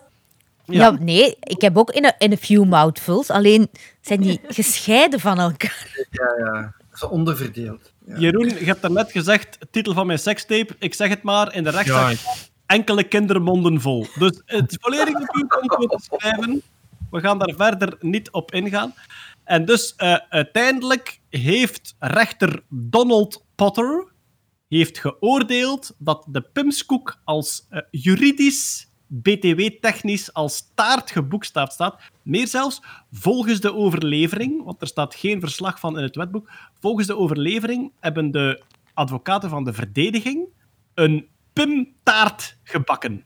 Dus ja, een, grote, een grote versie. Ja. ja, een taart gemaakt, dus de, de Jaffa Cake in een volledige taartvorm, dus een gigantische cirkel biscuit met daar dan sinaasappel op en daar chocolade over, hebben die gemaakt als argument van zie je wel dat het een taart is, dit is gewoon de grotere versie. Het zijn gewoon mini-taartjes. Het zijn juridisch mini-taartjes en wat ik er wel schoon aan vind, dat is de link tussen de pimscake en de tomaat. Kent iemand ah, is dat fruit of groente? Dat dat fruit is. Het feit dat tomaat groente is, is ook belastingtechnisch. Ah ja, ja, dat is waar. De belastingen op fruit in Amerika waren hoger dan die op groente. Ja. En de invoerders van tomaten, de belastingen zeiden, ja, maar een tomaat is eigenlijk botanisch gezien een vrucht, dus dat moet belast worden als fruit. fruit ja. En de invoerder zei, ja, nee, niets daarvan, dit wordt gebruikt als groente. En dus ook belastingtechnisch, de reden dat tomaat een groente is, is omdat dat voor het Amerikaans Hooggerechtshof beslist is, ergens eind 19e eeuw, denk ik. Dus voilà, zo hebben we een obscure juridische link gevonden tussen de Jaffa Cake en de tomaat. Ja, de tomaat. Ik vind wel dat voor zo mini-taartjes, dat daar dan ook wel ter beschikking moet gesteld worden de maxivorm. Dus ik wil zo zebra cakes zien in het groot. Ik wil grote pimskoeken. Allee ja, als taarten zijn, dan zijn taarten. Hè. Dan moet ik zo kunnen kopen, zodat ik ze heel de familie kan geven. Hè. Ik vind dit echt wel iets om voor te gaan. Namelijk, wij willen van zoveel mogelijk koekjes de taartversie. dus dat je inderdaad... Oh, ik wil een dinosaurus taart. Ja. Oké. Oh. Ik wil zo echt zo'n perfecte centwafer van twee meter op één. Oh, ik denk dat, dat we... dan weer wel in vinden, ja. Okay. Ik denk dat we Lucas Lely gaan moeten bellen. Voor de mensen die het niet weten, Lucas Lely, Vlaamse comedian, heeft op YouTube een serie Standaard Koekhandel, waarin hij met iemand anders zijn of haar favoriete koek bespreekt en daar zeer filosofisch en zeer diepgaand over ingaat. Uh, en misschien moeten we het met hem eens bespreken. Dus het taartversies van de koeken. Trouwens, ik, ja, ik zit heel tijd te twijfelen, maar ik wil het toch vertellen, Bart. Jij bent opgegroeid in de schaduw van de dinosauruskoekenfabriek. Ja, dat klopt. Ja. Af en toe kwam er een bericht naar de jeugdbeweging. Er is een dinosauruskoeken ja, lading geproduceerd met een productiefout in. Mhm. En jullie mogen die vrij goedkoop komen halen, want die zijn onverkoopbaar. Ja. Bart van Peer is ooit voor een belachelijk lage prijs een zak dinosauruskoeken gaan halen. Maar, en nu gaat iedereen razend kwaad worden. Bart, wat was de productiefout? De productiefout was dat die volledige batch aan dinosauruskoeken langs twee kanten met chocolade bedrukt was. oh, fucking hell. Dat waren tegen de 100 koeken en heeft met 2 euro gekost. Of zo. Oh. En dat was on a regular basis. Dat was niet één week, dat waren meerdere weken dat dat gebeurde. Bart, had jij één van die koeken ingevroren? dan kon je die vandaag verkopen als non-fungible token. Non-fungible token. een dino-koek met chocolade aan Ja. twee kanten. Hot miljard, man. Ik zou er een Hoe is, het voor de Edible, rest but met de, hoe, is hoe is het voor de rest met de diabetes, Bart? Terminaal. We gaan verder met dit zogenaamde korte nieuws. Namelijk, Jeroen, een octopus heeft een wetenschapper in elkaar gedetst. Dat zou, dat zou wel zijn. Ik kan dat wel kort uitleggen. Het was een wetenschapper genaamd Lance Carlson, was op vakantie in West-Australië en zag daar op het strand, eh, dicht bij de waterlijn, de bewegende waterlijn natuurlijk, zag hij een klein hoopje ehm krabben, eh, ja, zo deeltjes van een krab. Soms eh, laten krabben, Peter help me even, laten krabben deeltjes achter, wisselen die van Die Schil. vervellen, ja. Oh ja, dus krabbenvelletjes zag die op een mooi stapeltje liggen. En die wist van, ah, er zijn bepaalde octopussen die die krabbenschillen verzamelen en op een hoopje leggen. Dat is een soort van, eh, ja, dat, dat is iets dat die doen. Ording. Een hobby. Een ja, een hobby. Dus ik ga eens in het water kijken of dat er in een octopus zit. Dus hij zet zijn duikbril op en hij gaat het water in. En hij wordt daar toch wel drie keer op zijn muil gejoefd, zeker door een octopus. Ongelooflijk. Hij zegt het van, ja, ik had het niet zien aankomen. Het voelt alsof dat je onder water gemapt wordt met een natte handdoek. Zodat je zo, wat dat in, in vele, vele kleedkamers zo, zo titsen met een handdoek. Ja, Vitsen, vitsen noemen die. Ja. en hij had rode streamen op zijn rug staan. Eh, dus Echt? ja, octopussen kunnen wel gevaarlijk zijn. Ja, we hebben, al, we hebben een, een paar maanden terug al gezien dat ontdekt werd dat octopussen soms vissen mappen gewoon uit kwaadaardigheid. Ja, Ja. Omdat de vissen niet genoeg meehelpen bij het zoeken naar voedsel. Voilà. Ja. Maar dus ook wetenschappers... Eigenlijk zijn octopussen echt humeurige beesten. Maar hebben jullie het beste dierennieuwtje van deze maand gehoord? En het is een goed dierennieuwtje, omdat het geen dierennieuwtje is. In een Poolse stad, ik wil de naam kwijt zijn, een grootstad, hebben verschillende mensen naar de dierenbescherming gebeld omdat er een mysterieus beest Oh in ja, een boom bleek te zitten. Ja, ja, ja. ja. Ja. ja. Prachtig. Mensen durven hun raam niet open doen, want dat beest zou kunnen binnenspringen. De dierenbescherming komt ter plaatse en haalt met een lange tang het beest uit de boom. Wat blijkt? Het blijkt een croissant te zijn die in de boom hangt. En geen nieuw soort mollige eekhoorn of zo. Dus als je de dierenbescherming belt... hadden die mensen enkele dagen hun vensters verdicht Ja. Ja, Oh god. En je moet, je moet weten, met een croissant, die is banger van u dan jij van hem. Hè. ja, ja, ja. Als hij nu aanvalt, moet je ook zigzaggend weglopen. Maar eh, hij is Frans, dus ik zou hem sowieso wantrouwen. Dat lijkt mij Absoluut. toch eh, het gezondste erin. Het volgende nieuwsje komt uit de Sovjet-Unie. Wat is er ontdekt? En ik denk, sommige, sommige ja, fanbase eh, mensen gaan hier heel, heel enthousiast over worden. Ik er ook. is in Rusland een oude Sovjet-versie van de Lord of the Rings teruggevonden, Nathan. Klopt, het was een, eh, een, een tv-film-adaptatie. Nu, om, even context te schetsen, ik ben zelf eh, opnieuw wat Russisch aan het leren. En om dat te leren, kijk ik af en toe zo naar van die kinderfilmpjes, want dat helpt wel om, om zo wat eenvoudige taal onder de knie te krijgen. En ik ben gedoken op de Russische versie van Winnie de Pooh, genaamd Winnie Poeg. I shit you not. En allee, ik verwacht ook zo elk moment van die communistische propaganda. Tot nu toe is het niet geweest, maar ik hoop dat er zo een aflevering gaat komen waar, waar Winnie Poeg zo zijn vriendjes gaat bevrijden, het proletariaat gaat bevrijden. Ik weet het niet, wat is super grappig. Vinny now shares his honey with all the other animals. Ja, het is echt vaag. Maar deze, allee, deze, deze, deze was ook heel vaag van, eh, van Lord of the Rings. Het ding is, dat is een film gemaakt in 1991. Die is nu pas op, eh, op YouTube gezet, nadat heel veel Russen daar al, al jaren naar op zoek waren. Het probleem met, met Tolkien's Lord of the Rings is dat dat niet heel veel vertaald is in het Russisch. Dat, dat bleek vaak gewoon letterlijk te moeilijk om, om goed te vertalen naar het Russisch. Dus wat dachten de Russen? We gaan daar gewoon een super crappy film van maken en dan kan iedereen toch van die verhalen genieten. En ik heb er stukjes van gekeken. Het is echt het is een mega aanrader. Het lijkt echt zo uit de jaren 60 te komen. Hele vage kostuums, heel super crappy, low budget. Dat Heel, dat heel, heel grappig.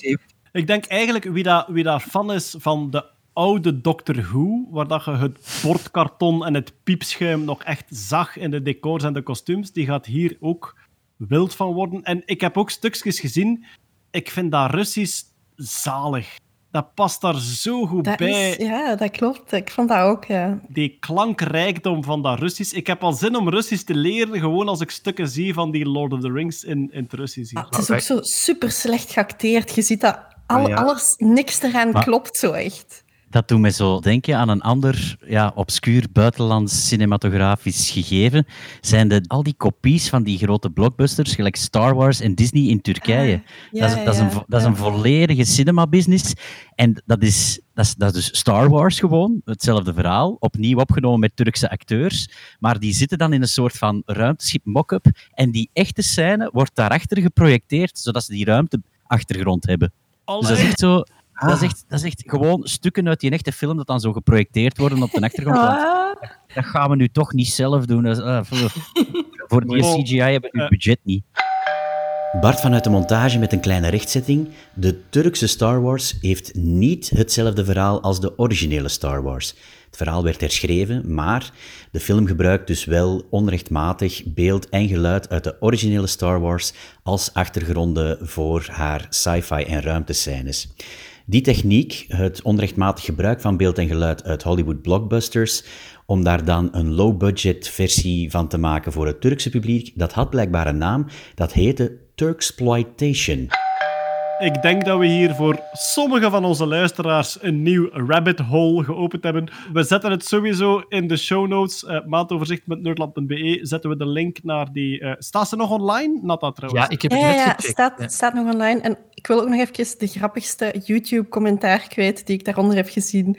Iedereen kent toch zo They're taking the hobbits to Isengard? Ja, ja. Isengard, De YouTube-comment was They're taking the hobbits to Leningrad. En ik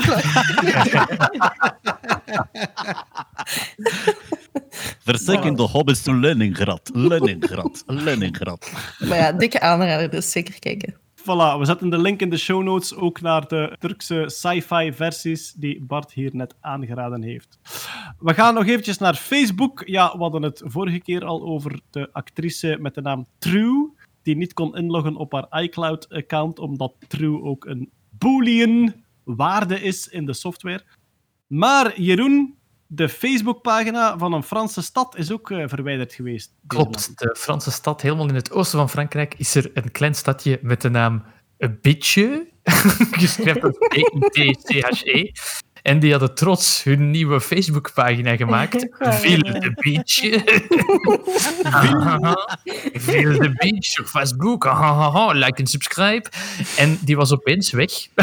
en de burgemeester van dat dorp, zekere Valérie de Gouy, heeft gezegd van ja, ik heb geprobeerd naar Facebook, eh, ik heb ze geprobeerd te contacteren, maar niemand gaf commentaar. En uiteindelijk heeft Facebook op CNN dan moeten verklaren, een week later, it was removed in error, we komen het terug. Het doet denken aan het originele van deze verhalen, toen dat internet nog maar pas begon en je via AOL op het internet moest. Toen was er een Iers dorpje genaamd Scunthorpe. C-S-C-U-N-T-H-O-R-P-E. En als je Engelse schildwoorden kent, dan zie je dat daar een heel vies woord in verborgen is. en dat was eigenlijk Kant. het woord, het woord kunt, ja. En ja, dat, dat, dat was het- eerste internetcommunity die geband werd door eh, een internetprovider. Eigenlijk een, een bot die dat vond en dat dan eh eraf gooide.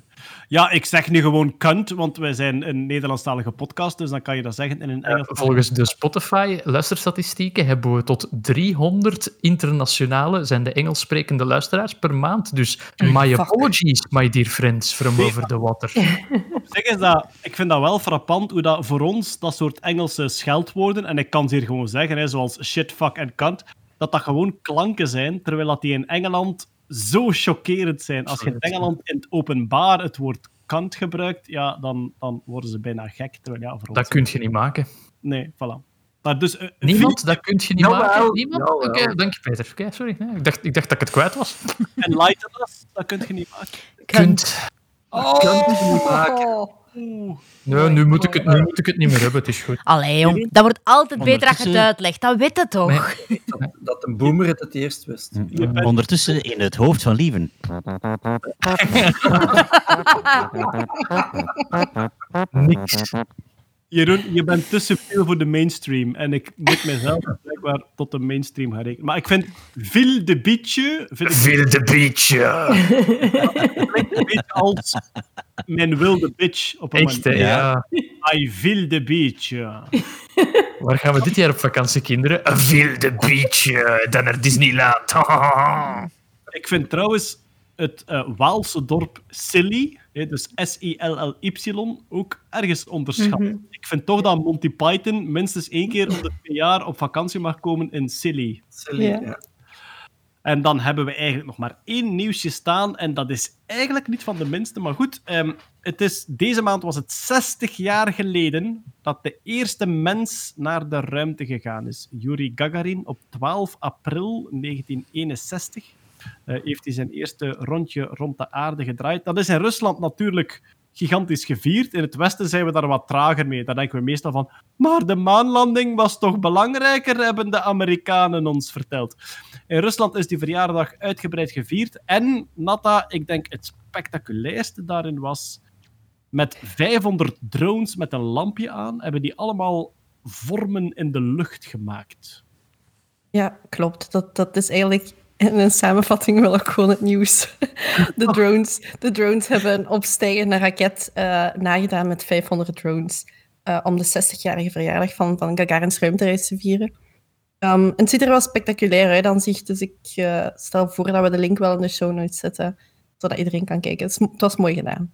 Dus het zijn, het zijn, het zijn gewoon 500 drones met een lampje aan die opstijgen, die uiteraard allemaal bestuurd worden volgens een, een XYZ-positie in de ruimte. Mhm. Die hebben dan, ik denk, een paar verschillende objecten, een paar soort verschillende zwevende objecten gemaakt in de ruimte, denk ik. Ja, ik zag vooral, eh, ik denk het meest indrukwekkend was, was een opstijgende raket die ze, die ze nadeden. En ik denk dat daarna, het was een beetje vaag uitgebeeld, maar ik denk dat ik meer ook heb gezien ergens in de opstelling van de drones. Het waren wel een paar space tafereelen volgens mij. Ja. In, in Shanghai hebben ze deze maand ook met 1500 drones, hou je vast, een QR-code in de lucht gemaakt. Oh, ik heb dat gezien, al zo Oh, dat is gewoon dystopisch. pijnlijk. Was het, was het tien jaar geleden dat de QR-code uitgevonden is, Jeroen? Nee, het was echt een marketing stunt voor een, een role-playing game genaamd Oh Princess. Connect. Oh, wauw, wauw, Ik wauw. weet het ook niet.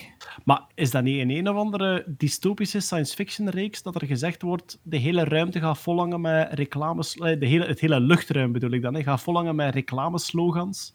En nu zijn we daar een beetje. Ik denk dat er ooit sprake was van satellieten die het woord Coca-Cola vormen of zo, als ze overkomen of dat soort eh. Bon, QR-codes, dat kan nu al. Ik denk dat we daarmee zowaar rond zijn voor deze maand. Dan hebben we enkel nog een paar eh, recalls. Ja, we hebben het vorige keer gehad over de Inception Horn. Jeroen, daar is een heerlijke online respons op gekomen. Inception hoort in het kort in de trailer van het, de film uit 2013 Inception gebruikt regisseur Christopher Nolan een, een treffend geluid dat ik enkel kan omschrijven als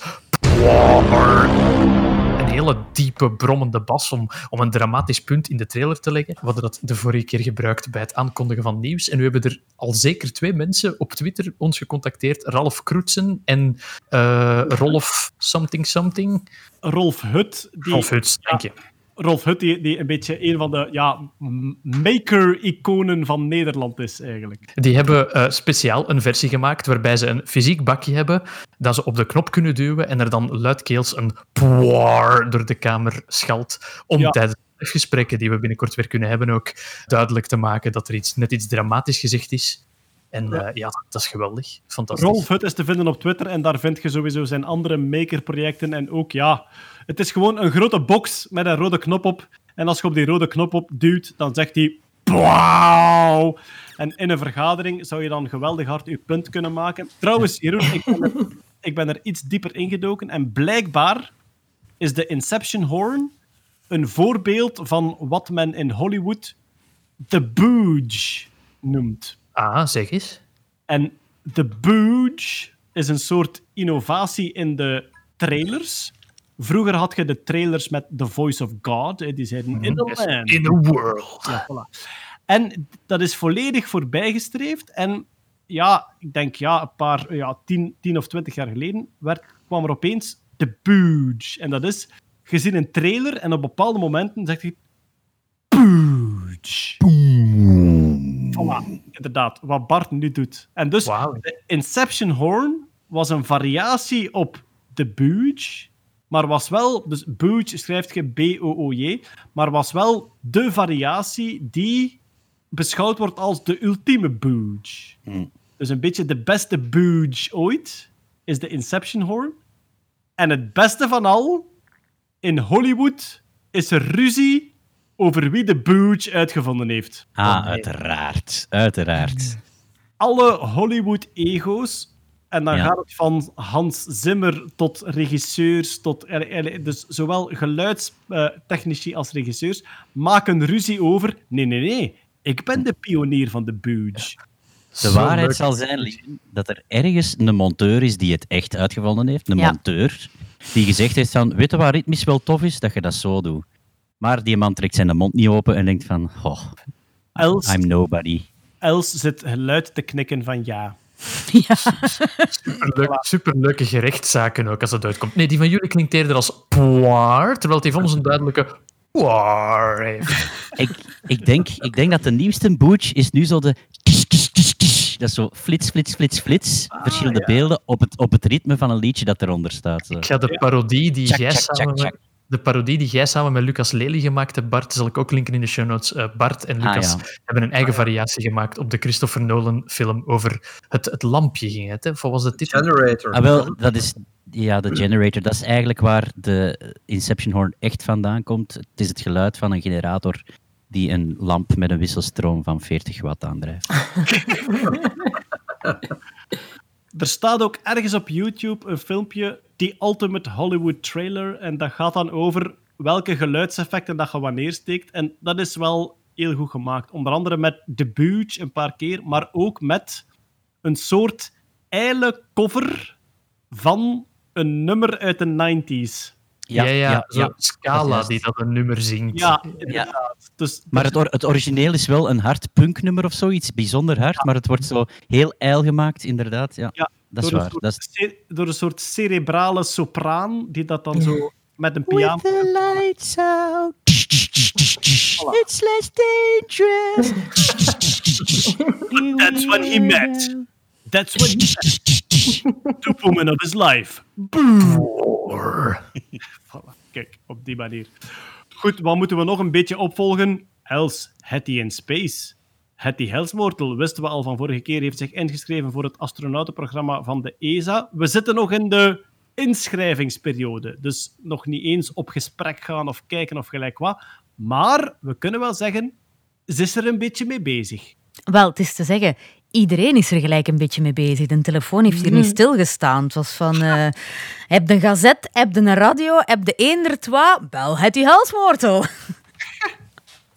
nee, ja, eh, mensen zijn een, een, een beetje eh, enthousiast dat er iemand zich wilt inschrijven voor het astronautenprogramma, blijkbaar. En ja, we worden daar... Ineens is dat zo echt iets geworden, zoiets wat dat je een keer s'avonds zegt, terwijl dat gaan opnemen zijn voor een podcast, van ik zou er eigenlijk wel willen aan meedoen, is dat nu echt zoiets geworden van, ja, studeren dan en trainen. Allee, we zijn vanavond dus voor de eerste keer gaan start to runnen. Wat, de functie van Evi Gruijaert in het ESA-programma was mij nog niet Voilà, dat is... Maar laat ons daar gewoon... Het is jammer dat ze er niet bij is, maar we gaan er volgende keer sowieso op terugkomen. Als Hetty ergens voor gaat, dan gaat ze nog al een keer ergens Geen. 100%. half werk, echt waar. Zo kennen we haar. Maar eh, als ik me niet vergis, zij had... Wat ik zeg het, hè, we zitten nog maar in de aanmeldingsperiode. Zij had een soort medisch attest nodig dat zij ook afgelegd Ja, heeft. ja dus eh, ze is na- eigenlijk gewoon ja, naar een dokter moeten gaan die zo'n paar ja, dingen heeft getest. En dan moest ze zo met uitgestrekte armen, met haar ogen dicht, om en om, met haar wijsvingers haar neus aanraken en zo, om zo te zien of dat je... Ja, E- evenwicht hebt. ja. Ja. Zelfs de reis naar Mars begint met met dichte ogen uw neus aan te raken. voilà. voilà. Is een oud Chinese spreuk. Ze gaan Hetty echt uit dat ISS moeten trekken. Hè. Die gaat daar niet weg willen. Hè. Ze van, "Maar nee, er is nog meer wetenschap om te doen. Nee, nu echt, echt naar huis. Maar ik kan twaalf nummers die je mij zegt omgekeerd terugzeggen. Ah, het is ook met cognitieve tests. en zo. Ja, ja, er zijn ook zo. Er, er heeft een boek van een ESA-astronaut en die heeft heel die eh, selectieprocedure eigenlijk beschreven. En daar staan allemaal zo puzzeltjes en dingetjes in die je onderweg. Ja, het soort, het soort vragen die gesteld worden. Hè. Dus dat is nu hele dagen zo van. Allee, zeg mij een keer twaalf cijfers in het Engels. Ik ga ze u dan omgekeerd teruggeven. Zo van die dingen. Dat Oh, je, gaat, je gaat zo blij zijn als die 14 dagen weg is. Elke. Oh my. Ik denk dat dat Tim Peake is. Ja, de, ja, het is de- Tim Peake, ja. de- ja, een beetje de Britse recentste astronaut waar ze daar nu heel trots op zijn. Ja. Oké, kijk, Hattie in Space, we volgen het op. Sowieso elke maand eh, wat er opnieuw gebeurt. Ja, lieven, ik, ik heb daar geweldig veel bewondering voor. Eh, hashtag Hattie for Space, gaan, gaan, gaan. Maar ik zou toch ook graag mijn eigen ruimteproject, hashtag Rover, ook nog eens willen pluggen.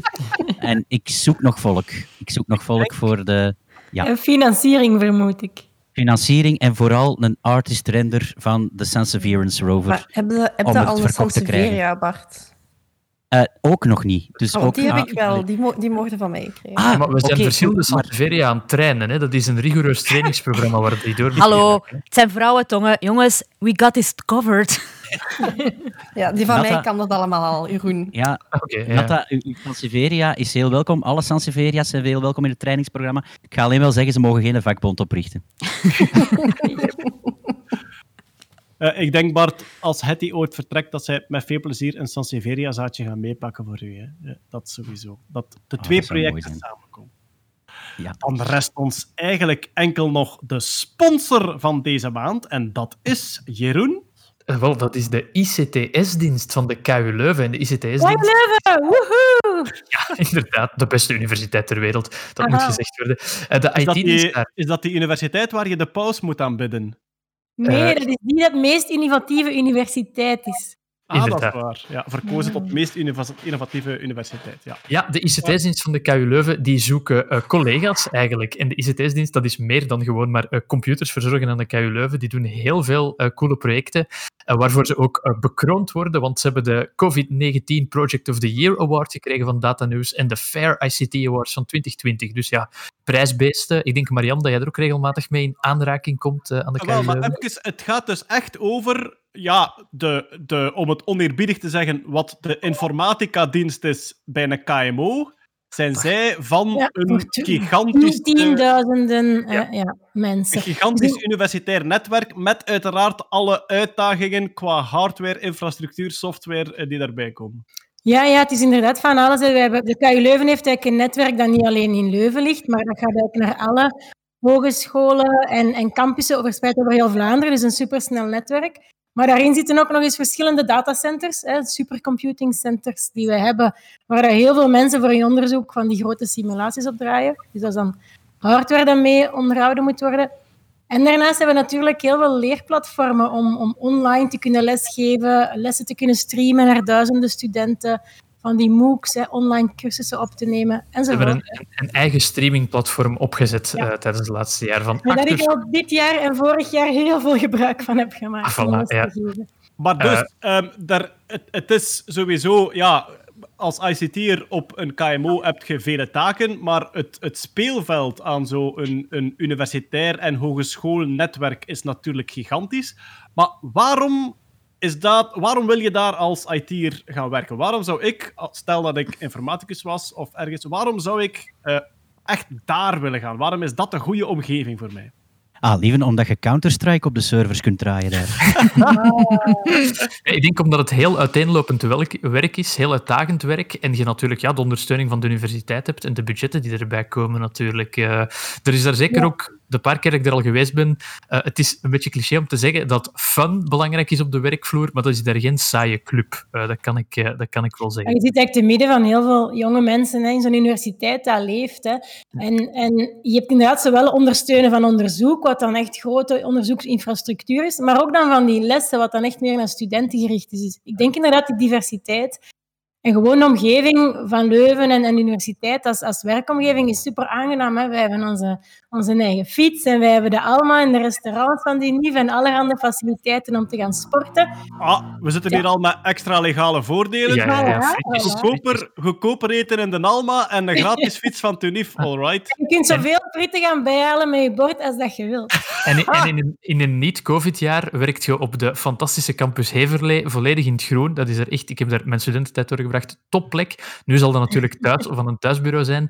De vacatures die openstaan zijn, ik ga maar een hoop buzzwords zeggen, hè. data science engineer, business analyst, systeemingenieur, Windows server, maar Linux komt er ook aan de bak, Mac komt er aan de bak. Het is eigenlijk, ze hebben zo'n breed eh, spectrum aan projecten dat eigenlijk iedereen daar wel eh, zijn gaat in kan vinden. En ze hadden er ook bij gezegd dat er zeker mogelijkheid tot opleiding is. Dus mensen, het is belangrijker dat er mensen zijn met de interesse dan per se met alle skills al op dit moment eh, aanwezig. Een universiteit met mogelijkheid tot opleiding. Ja. Zeg, en hebben ze, hebben ze ook tof speelgoed staan? Want ik neem aan dat jullie allee, qua Ja, computerinfrastructuur... wij hebben, wij hebben gigantische datacenters. Het supercomputing center wordt bij ons eh, beheerd en dat wordt elk jaar uitgebreid met extra dikke serverbakken. En eh, dat is eigenlijk geïnvesteerd door heel veel uniefs in Vlaanderen. Samen is er geïnvesteerd in een supercomputercentrum. Dus- hè. Eigenlijk, het, als je... het als Internet je- of Things eh, web ook niet vergeten. Hè. Dingnet, het nieuwe Internet of Things web, dat eh, eh, toch een, een grote oppervlakte bespant, daar zitten zij ook mee in. Om alle Internet of Things dingen aan te sluiten. Nu dacht ik eigenlijk dat Dingnet een soort netwerk voor dickpics was. Maar goed, het kan iets anders zijn natuurlijk. Maar dus, je kunt daar werken met een supercomputer. Dat wil zeggen, als je daar werkt en je komt je voormalige klasgenoten tegen, dat je kunt stoeven over petaflops en al. Dat je de dikste bak hebt van iedereen. De dikste, de dikste petaflop-bak van, eh, van al uw mede-oud-studenten. Jeroen, waar kunnen mensen terecht die nu enthousiast geworden zijn en zeggen yes, ik ga werken voor de ICTS-dienst van de KU Leuven? Ik zal de ICT-dienst vermelden op onze show notes, maandoverzicht.nerdland.be of podcast.nerdland.be. En de contactpersoon is kareltiteka.kuleuven.be. Het mailadres en alle info komt netjes op de pagina. Dat eh, gaat het duidelijkst. Ja, en ik denk voor mensen die erop willen gaan, je gaat naar de KU Leuven jobsite en daar Voilà, ga je het ook snel vinden. Ziezo, dit was het Nerdland maandoverzicht voor deze maand. Hartelijk dank om te luisteren tot hier. En ik dank natuurlijk ook iedereen hier aanwezig. Bart van Peer, Met veel plezier. Els Aerts, Salut! Jeroen Baert, Doei! Marian Verhelst, Dag. Peter Berks Dag. en Natta Kerkhoffs. Ajustrus. Heel graag tot de volgende keer. Dag. Dag! Doei.